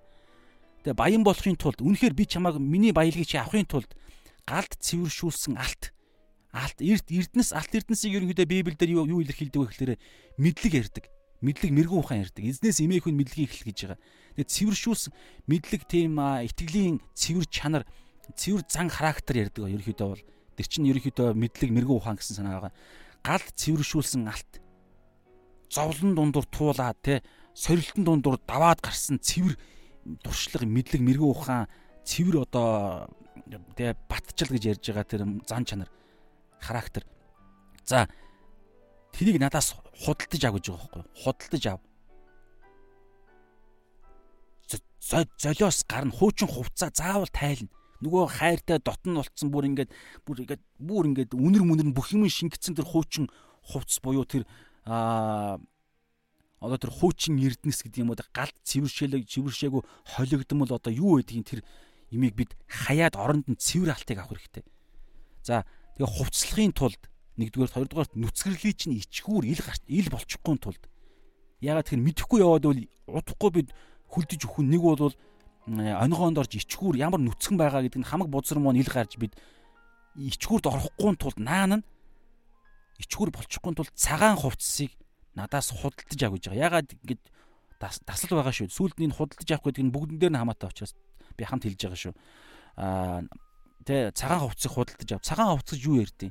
Ерөөсөө Есүс Христийн сайн мэдээнд буюу Есүс Христийн загламай дээр босон тэр золиосонд нь итгэснээр цагаан хувцс буюу Бурхны охид хүүгүүд Иохныг 12 дээр хэлж байгаа Бурхны охид хүүгүүд болох эрхийг бид эрх буюу тэр нэгүслийн нэгүслэр өгдөг зөвтгөлийг бид үнгөө авсан бохгүй юу? Үнгөө бид ариун үндэстэй Бурхны эзэмшлийн ард түмэн хаан тухсаа тий тэр ер бүсийн ерөөлүүд чинь бидэнд үнгөө өгсөн цагаан. Тэгсэн мөртлөө энэ дэр худалдаж ав гэж байгаа. Энэ үг маш чухал үг. Харахын тулд нөгөө хоёр ярьдаг юм чинь дахиад байна. Харахын тулд одоо энэ дээр хардаа харахын тулд түрүү мэдэхгүй байсан шүү дээ. Өөрийгөө би баян байна, хөрөнгөцсөн байна гэж ярьж байгаа. Миний амьдрал болж гин би ингээ яваад байна. Болж гин. Гэтэл та нар мэдэхгүй байна гэж хэлж штэ эзэн. Тэгээд аа тэгээд дараа харахын тулд яг ямар аюултай байгаа, ямар ямар би яг сүнсний ямар төлөв байдал байгаагаа харахын тулд нүдээ тослох тосыг надаас худалдаж ав гэж би чамд зөвлөе. Худалдаж авах юу яриад байгаа? Гэхдээ түрүүний ярьсан. Бид худалдаж авах процесс чи юу вэ? 10 мянган төгрөг би танд өглөө. Та одоо юу гэдэг өргөө кино театрын аа тейлер байлаа гэж бодоход би 10 мянган төгрөг өглөө оронд нь кино үзэх тасалбар худалдаж авлаа. 10 мянган төгрөг өглөө оронд нь би хоолоо худалдаж авлаа. Нэг юм өгөө золиослогдлаа. Надаас миний надад байсан 10 мянган төгрөгийг би золиослогдоод танд би 100000 төгрөг өглөө надад 100000 төгрөг байхгүй боллоо. Оронд нь хоол авлаа. Яг энтэй адилхан. Тэр аа хувцас цэвэр алт аа цагаан хувцас аа тэр нүдийг тослох сүнслэг харааг авахын тулд бид нэг юм өгөх ёстой. Энэ үйлдэл заавал хэрэгтэй. Тэг зөвлөж байна. Тэр нь юу юм? хуучин хүн, хуучин ойлголт, хуучин алт түлэртнэс, хуучин дэлхийд дэлхийн баялаг, хуучин дэл тэнгэр энэ дэлхийн бодиттой баялаг үндсэнүүд, хуучин хувцас, алдрын өөрийгөө алдаршуулсан хувцас, аа хуучин махуудын хараа тэрийг оронд нь заавал хаях ёстой. Эфес 4 дээр байгаа. Ялзарч буй хуучин хүнээ та нар тайлж хай гэсэн. Тэр нь а амьдралын хуучин амьдралын хэв маяг а хүсэл тачаалын залим ихээр залим их залим ихээр хууртагдсан хүсэл тачаал гэсэн. Залим ихээр хууртагдж байгаа хүсэл тачаал. Тэгээ энэ хууч энэ ялдарч байгаа хуучин бие та нар тайлж хайна. Бид нэг үзэл бодлуудаа яг хаях ёстой. Хизүү хайж ижил бид энэ жинхэнэ бодиттой аюулаас жинхэнэ бодиттой бузраас бодиттой ичхүүрээс бодиттой тэр аюулаас бид яах вэ? Хоёр эзэн зэрэг үйлчлэх боломжгүй шүү дээ. Энийг ярьж байгаа. Тэгээ оронд нь та нар шинэ хүнийг бурхнаар бүтээгдсэн зөвхт байдал ариун байдал дотор явдаг бурхнаар бүтээгдсэн шинэ хүнийг өмсөө өөртөө өмс. Үүний тулд оюун санаагаа шинжлэх гэж ярьж байгаа. Тэр чинь саяны ярьсан худалдах, Библи уншаад худал ойлголтуудаа гаргаж ирээд үнэн Библийн дагуу үнэн ойлголтыг шинээр ойлгож ухаар сурчаад хооронд нь харьцуулаад тэгээд хуучныгаа хаях хэрэгтэй. Шинээ өөртөө авах хэрэгтэй. Энийг ярьж байгаа. За тэгээ бүгд хамтдаа ерөөдөө өнөөдөр өндөрлөө. За а юу гэж дүгнэ дүгнээ залбираад өндөрлөө. Юу вэ? Юу вэ гэхээр нэгдүгürt энэ уламжлал гэдэг нь ойлголт маш аюултай ойлголт. Маш аюултай. Хүн мэддэггүй байхгүй да. Чуулганд байдаг байхгүй. Одоо энэ чинь чуулган дотор л яригдчих штеп. Иерусалимийн сүм чуулганаас нэрсэн хүмүүсүүд өөрсдийнх нь бурхныхан хүмүүс гэж ирсэн. Бүр өдөртөгч нар нэрсэн ярьж байна. Тэгээ одоо энэ Мишна, Талмуд гэдэг байгаа номууд чинь евдээчүүд судалдаг шүү дээ одоо ч гэсэн. Яг Библиэд энэ зэрэгцдэг өөрсдийнх нь гаргаж ирсэн тайлбарууд яга дундан зөв хүн байгаа буруу чим зөндөө байгаа. Тэгэхээр энэ ахмадын уламжлал тийм ээ одоо юу гэдгийг аюултай байхгүй юу? Гэхдээ уламжлал гэдэг чинь бол зөв зөв зөв байгаа шүү. Гол нь яагаад аюул аа би энийг хэлээгүй юм шүү дээ. Ямар үед уламжлал ёс заншил уламжлал аюул аюултай болоод байгаа вэ гэхээр ёс заншил уламжлал нь хууль болох үед хууль ёс бүр заавал ингэ ёстой хууль цааз болох үед тэгээ тэр нь бүр сүулдэ бурхны хууль мэт бол тайлбарлагдах үед тэр үед буруутгал орж ирдэг. Тэгээ бүр ялдаг. Хэрвээ хин нэгэн за би бүр тодорхой л хэлчих шууд л хэлчих. Хин нэгэн сүм чуулганы бурхныг төлөөлж байгаа өдөртөгч нь нөгөө ахмадууд ээлдэр гэдэг ахлагч нар нь өдөртөгчт нь Библийн ишлэлийг буруугаар тайлбарлаад эсвэл зөвөөр тайлбарлаж байгаатай ч гэсэн тэр ишлэл чинь нэг тал нь шүү дээ. Тухайн сэдвийн талаар олон талт олон ишлэлүүд Библиэлд байдаг шүү. Тэр утгаараа систем теологи гэдэг Библи судал ярьдаг. Систем теологийн Библи судалч юу гэхээр нэг сэдвэр Библи тэр чигээрээ бүхэлдээ юу хэлж байгаа бүх ишлэлийг нь цуглуулад дундаас нь тухайн сэдвийн талаарх номлол ухааныг гаргаж ирдэг байхгүй. Дундаас нь. Түнсээ нэгэн ишлэгийг дангаар нь аваад санхүү дээр ингэж л амьдр гэж хэлсэн байна гэж яриул болохгүй. Библи чинь цогцойлголт нөгөө католик чанар гэж ярьж байгаа нэгдмэл хоорондоо зөрчилддөг. Тэгэхээр тэр ялгаатай мэд ишлүүдийг гаргаж ирээд аа яагаад энэ зөрчилдөж байгаа юм шиг байна вэ гэхлээр гэж яагаад хам сэдвүүтэй хамт судлаад ингэж гаргаж ирэхгүй зөвхөн нэг юмар нэг ойлголтыг гаргаж ирээд тэрийг уламжлал болгоод ч юм уу тэгэнгүүтлээ тэрийг одоо юу гэдэг сүулдэ бурхан яг ингэж хэлсэн заавал ингэх ёстой гэж итгэгч нартаа тайлбарлаад тэр нь тухайн библийн ишлэлээр яг тэгсэн байгаа гэдэг. Гэтэл үгүй байдаг. Тэр ишлэл нь нэг тодорхой хам сэдв дээр нэг тал нь байдаг олон тал байдаг байхгүй хэд хэдэн тал байдаг. Тэрийг нь хамтдаа яхаар бурхны ерөнхий нэг тийм хүсэл нь ерөнхий тэр үнэн илэрдэг байхгүй. Тэр чи ариун сүнсээр нөгөө даруу дуулууртай зангаараа даруу байдлаараа нөгөө Матай 10 28-ийн 18 дээр хэлдэг штеп. Тэнгэр газар дээрх бүх эрх мэдлийг надад буюу Есүст өгсөн. 18 19-ийг алгаслаа 20 өнөө сүлийн ишил дээр нь юу гэж байгаа гэж. Тийм ээ би үеийн төгсгөл хүртэл би та нартай өргөлж хамт байна. Энэ эрх мэдэл чинь үргэлж хамт байгаа байхгүй юу? Одоо яг одоо энэ цаг мөчид бидний тэнгэр газар дээрх бүх эрх мэдлийг атгсан Есүс бидний эзэн. Гэтэл хин нэгэн пастор биш. Хин нэгэн айдиа ухаан, хин нэгэн ямар нэгэн номлол биш. Библийн тэр Есүс өөрөө. Тийм учраас бид багш нар ч юм уу ямар нэгэн өдөрдөгч нар энийг гаргаж ирэх аюултай байхгүй энэ уламжлалыг энэ хүний санааг оруулах аюултай.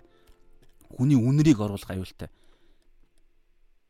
Тэгээд тэгээд сүүлдээ тэр нь Библийн ишлэлээс их үүсвэртэй болохоор хүмүүс Бурхны хууль юм шиг анзаарагдана. Гэтэл тэр нь олон зүйлс хамтдаа нэг гайхалтай нэг цогц амьд үг гарах хэрэгтэй байтал нэг юм дутуу доглон үг гарах гэдэг. Тэгээд тэр нь Бурхны үг гэж тайлбарлаа тэр үгээрээ хүмүүсүүдийг буруутгаад яллаад ирдэг. Энэ маш аюултай. Ийм тохиолдолд уламжлалыг аюул гэж байна. Сая би ихтэй нөгөө үг тал дээр нь ярьчлаа.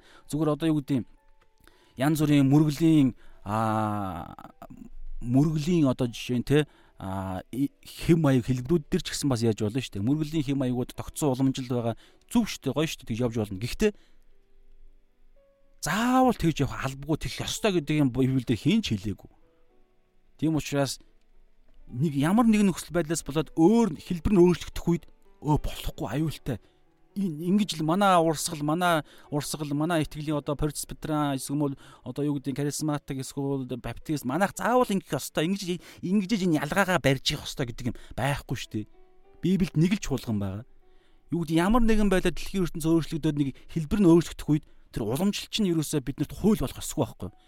Харин уламжлал нь нөхцөл байдлаа дагаад гоё хэлбэрждэг амьд уламжлал байвал гоё шүү дээ. Дараагийн үеинд хайр нэг уламжлал гаргаж ирээд Тэгэхээр тийм ярьж байгаа. Тэгэхээр бүгдээрээ залбирахтаа зүгээр эхний залбирал нь юу гэхээр бид үргэлж ариун сүнсээр өдөрдүүлье. Ариун сүнс чинь үргэлж ариун сүнс чинь omniscience мөн чанараараа ирээдүй сатан бол угаасаа чөтгөрүүд бол угаасаа цаг хугацаа өөрчлөгдөхийн ирэхээр баг өөрөө ч өөрчлөж байгаа бохт. А нийгмийг өөрчлөгдөхийн хэрээр аяанда арга барил нь өөрчлөгдөн. Тэгэхээр ариун сүнс чинь бүр тэрнээс бүр илүү чадвартай учраас ариун сүнсээр өдөрдүүлэгдвэл бид сатааны энэ нийгмээс бүр үргэлж төрүүлж чадах чадах байхгүй юу? Гэтэл бид хүний уламжил дээр төвлөрөөд байвал бид хоцорно. Тэгээд ирэхээр шинэ үеийнхэн ч юм уу ирэхээр а сүм чуулганыг нөгөө нэг аймаар католикийн нөгөө нэг өө аа гэдэг ямар нэг дуу муу аваа гаргасан тэгээд нэг юм ядаргаатай ёс заншил нэг юм өө настачуудын газар байна гэдэг ирэхгүй шүү дээ. Гэтэл чин сүм чуулган гэдэг чинь зүгээр л амьдрал шүү дээ. Энэ дэлхий дээр байгаа л амьдрал.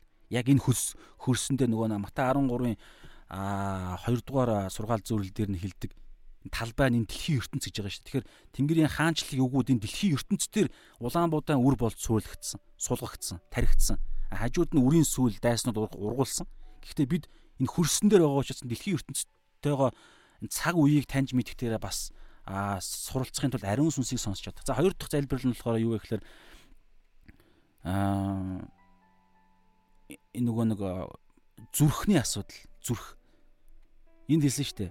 Хуваа хичээх хүсэл энэ Яаковны 14-өөс 15 дээр хүн зүрхний тэр хүсэл тачаал нь хүнийг үр тогтоогоод тэгээд тэр үр нь нүглийг төрүүлээд цаг нь болохоор үхлийг бий болгодог гэж байгаа. Тэгэхээр энэ энэ үрийг бий болгохоос өмнө наанан зогсоох, наанан тэр дархлаатсан ариун ялгаатай Тэнгэрийн хаанчлалын баатрууд, цэргүүд, хүчрэх хүмүүс байхын тулд бидний дотоод мөн чанар болсон сүнсний хүсэл нь өөрөө хуваа хичээсэн биш. Яг Есүс шиг хаанчлалын зорилготой буюу бусад хүмүүсүүдийг аврах авруулах зорилготой. Яохан 15 дээр тэ нөхдийнхөө төлөө амиа өгөхөөс илүү хайр гэж байхгүй. Энэ суралцах хэрэгтэй байхгүй. Бид чадахгүй шүү дээ. Гэхдээ хариун сүнсээр чадна. Үнэнг мэдэх мэдлэгээр чадна. Яохан 8:32 дээр тэ Есүсийн үгэн дотор байвал та нарыг те үннийг олгоод үн та нарыг чөлөөлнө гэж байгаа. Үгэн дотор байхгүй бол тэр чөлөөлөлт тэр дараагийн төвшөнд гарч чадахгүй. Тэгэхээр үг л дахиад үг рүү орж ирж байна. Энэ энэ хоёр дахь залбирлантай зүрхнийхаа хуваа хичих хүслээ бид өхүүлэх бүр яг бодиттой барьж аваад хүлэх. Зүгээр нэг аяанда өө байхгүй болчих гэдэг юм байхгүй шүү дээ. Яг яг гарч ирнэ. Яг ингэмээр санагдана. Тэр үед барьж аваад шүдээ зуугаад ингээд Библи ишлээ бодоод яа хэцүү байна. Эзэн минь чадахгүй байна. Тэнгүүтлээ ариун сүнс чинь Есүсийг бодуулна. Есүсээр төвлөрнө энэ нэг хүсэлчийн зурагдаал энд орилол энэ босч ирэх гээл энэ ийм тэмцэл байхгүй да. Энд чинь нөгөө хуучин хувцаа бүр ингэж тайлж хаяад шинэ өмсөхийн оронд энэ хугацаанд ингээд ийм нэг сонин ичхүүрч юм шиг дааралт маарлт мэдрэн штэ. Тэгэхээр шинэ хувцаа өмсгөл хэрэгтэй тэр дорно. Тэгэхээр тэгэхээр ийм нөгөө нэг гол зүйл чинь юу гэхээр хуваа хичээх үзэл. Юм бол одоо яриад байгаа энэ нөгөө нэг юм итгэгчнэр гэдэг байгаа мөртлөө бид нар те аймаар тийм ядарсан амьдрал чинь өөр штэ. Хаанчлын тогтолцоо чинь гайхалтай ажиллаж эхэлнэ. Хариун сүнсэнд нь боломжийг бид өгөх хэрэгтэй шүү дээ. Бид итгэх хэрэгтэй. За энэ хоёр залбир залбирлаар залбираад тэгээд өндөрлөө. Яг сүүлд нь та энийг энэ ишлүүдийн холбогдлолтой залбирлаа залбирлаар залбирч болно. Эзэн минь энэ цагийн төлөө талархъя тэгээд аа энэ цаг бол таних гэж би итгэдэг эзэн. Тэгээд хэдийгээр цаг хугацааны хэмжүүрээр үргэлж урт явж би бас магадгүй ээрч муурч хурдан ярьж эмоцтой ярьж зарим хүмүүсүүдийг буруу хэлж хэлснээрээ таны хийх ажил, таны ярих ажилд саад болдог бол өршөөгөөр эзэн.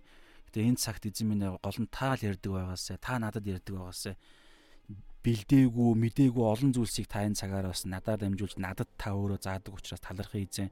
Мартахгүй байхад туслаарай. Бидний зүрх хуурамч идвшгүй өвчтөй учраас зүрхнийхээ хүслээр биш эзэн.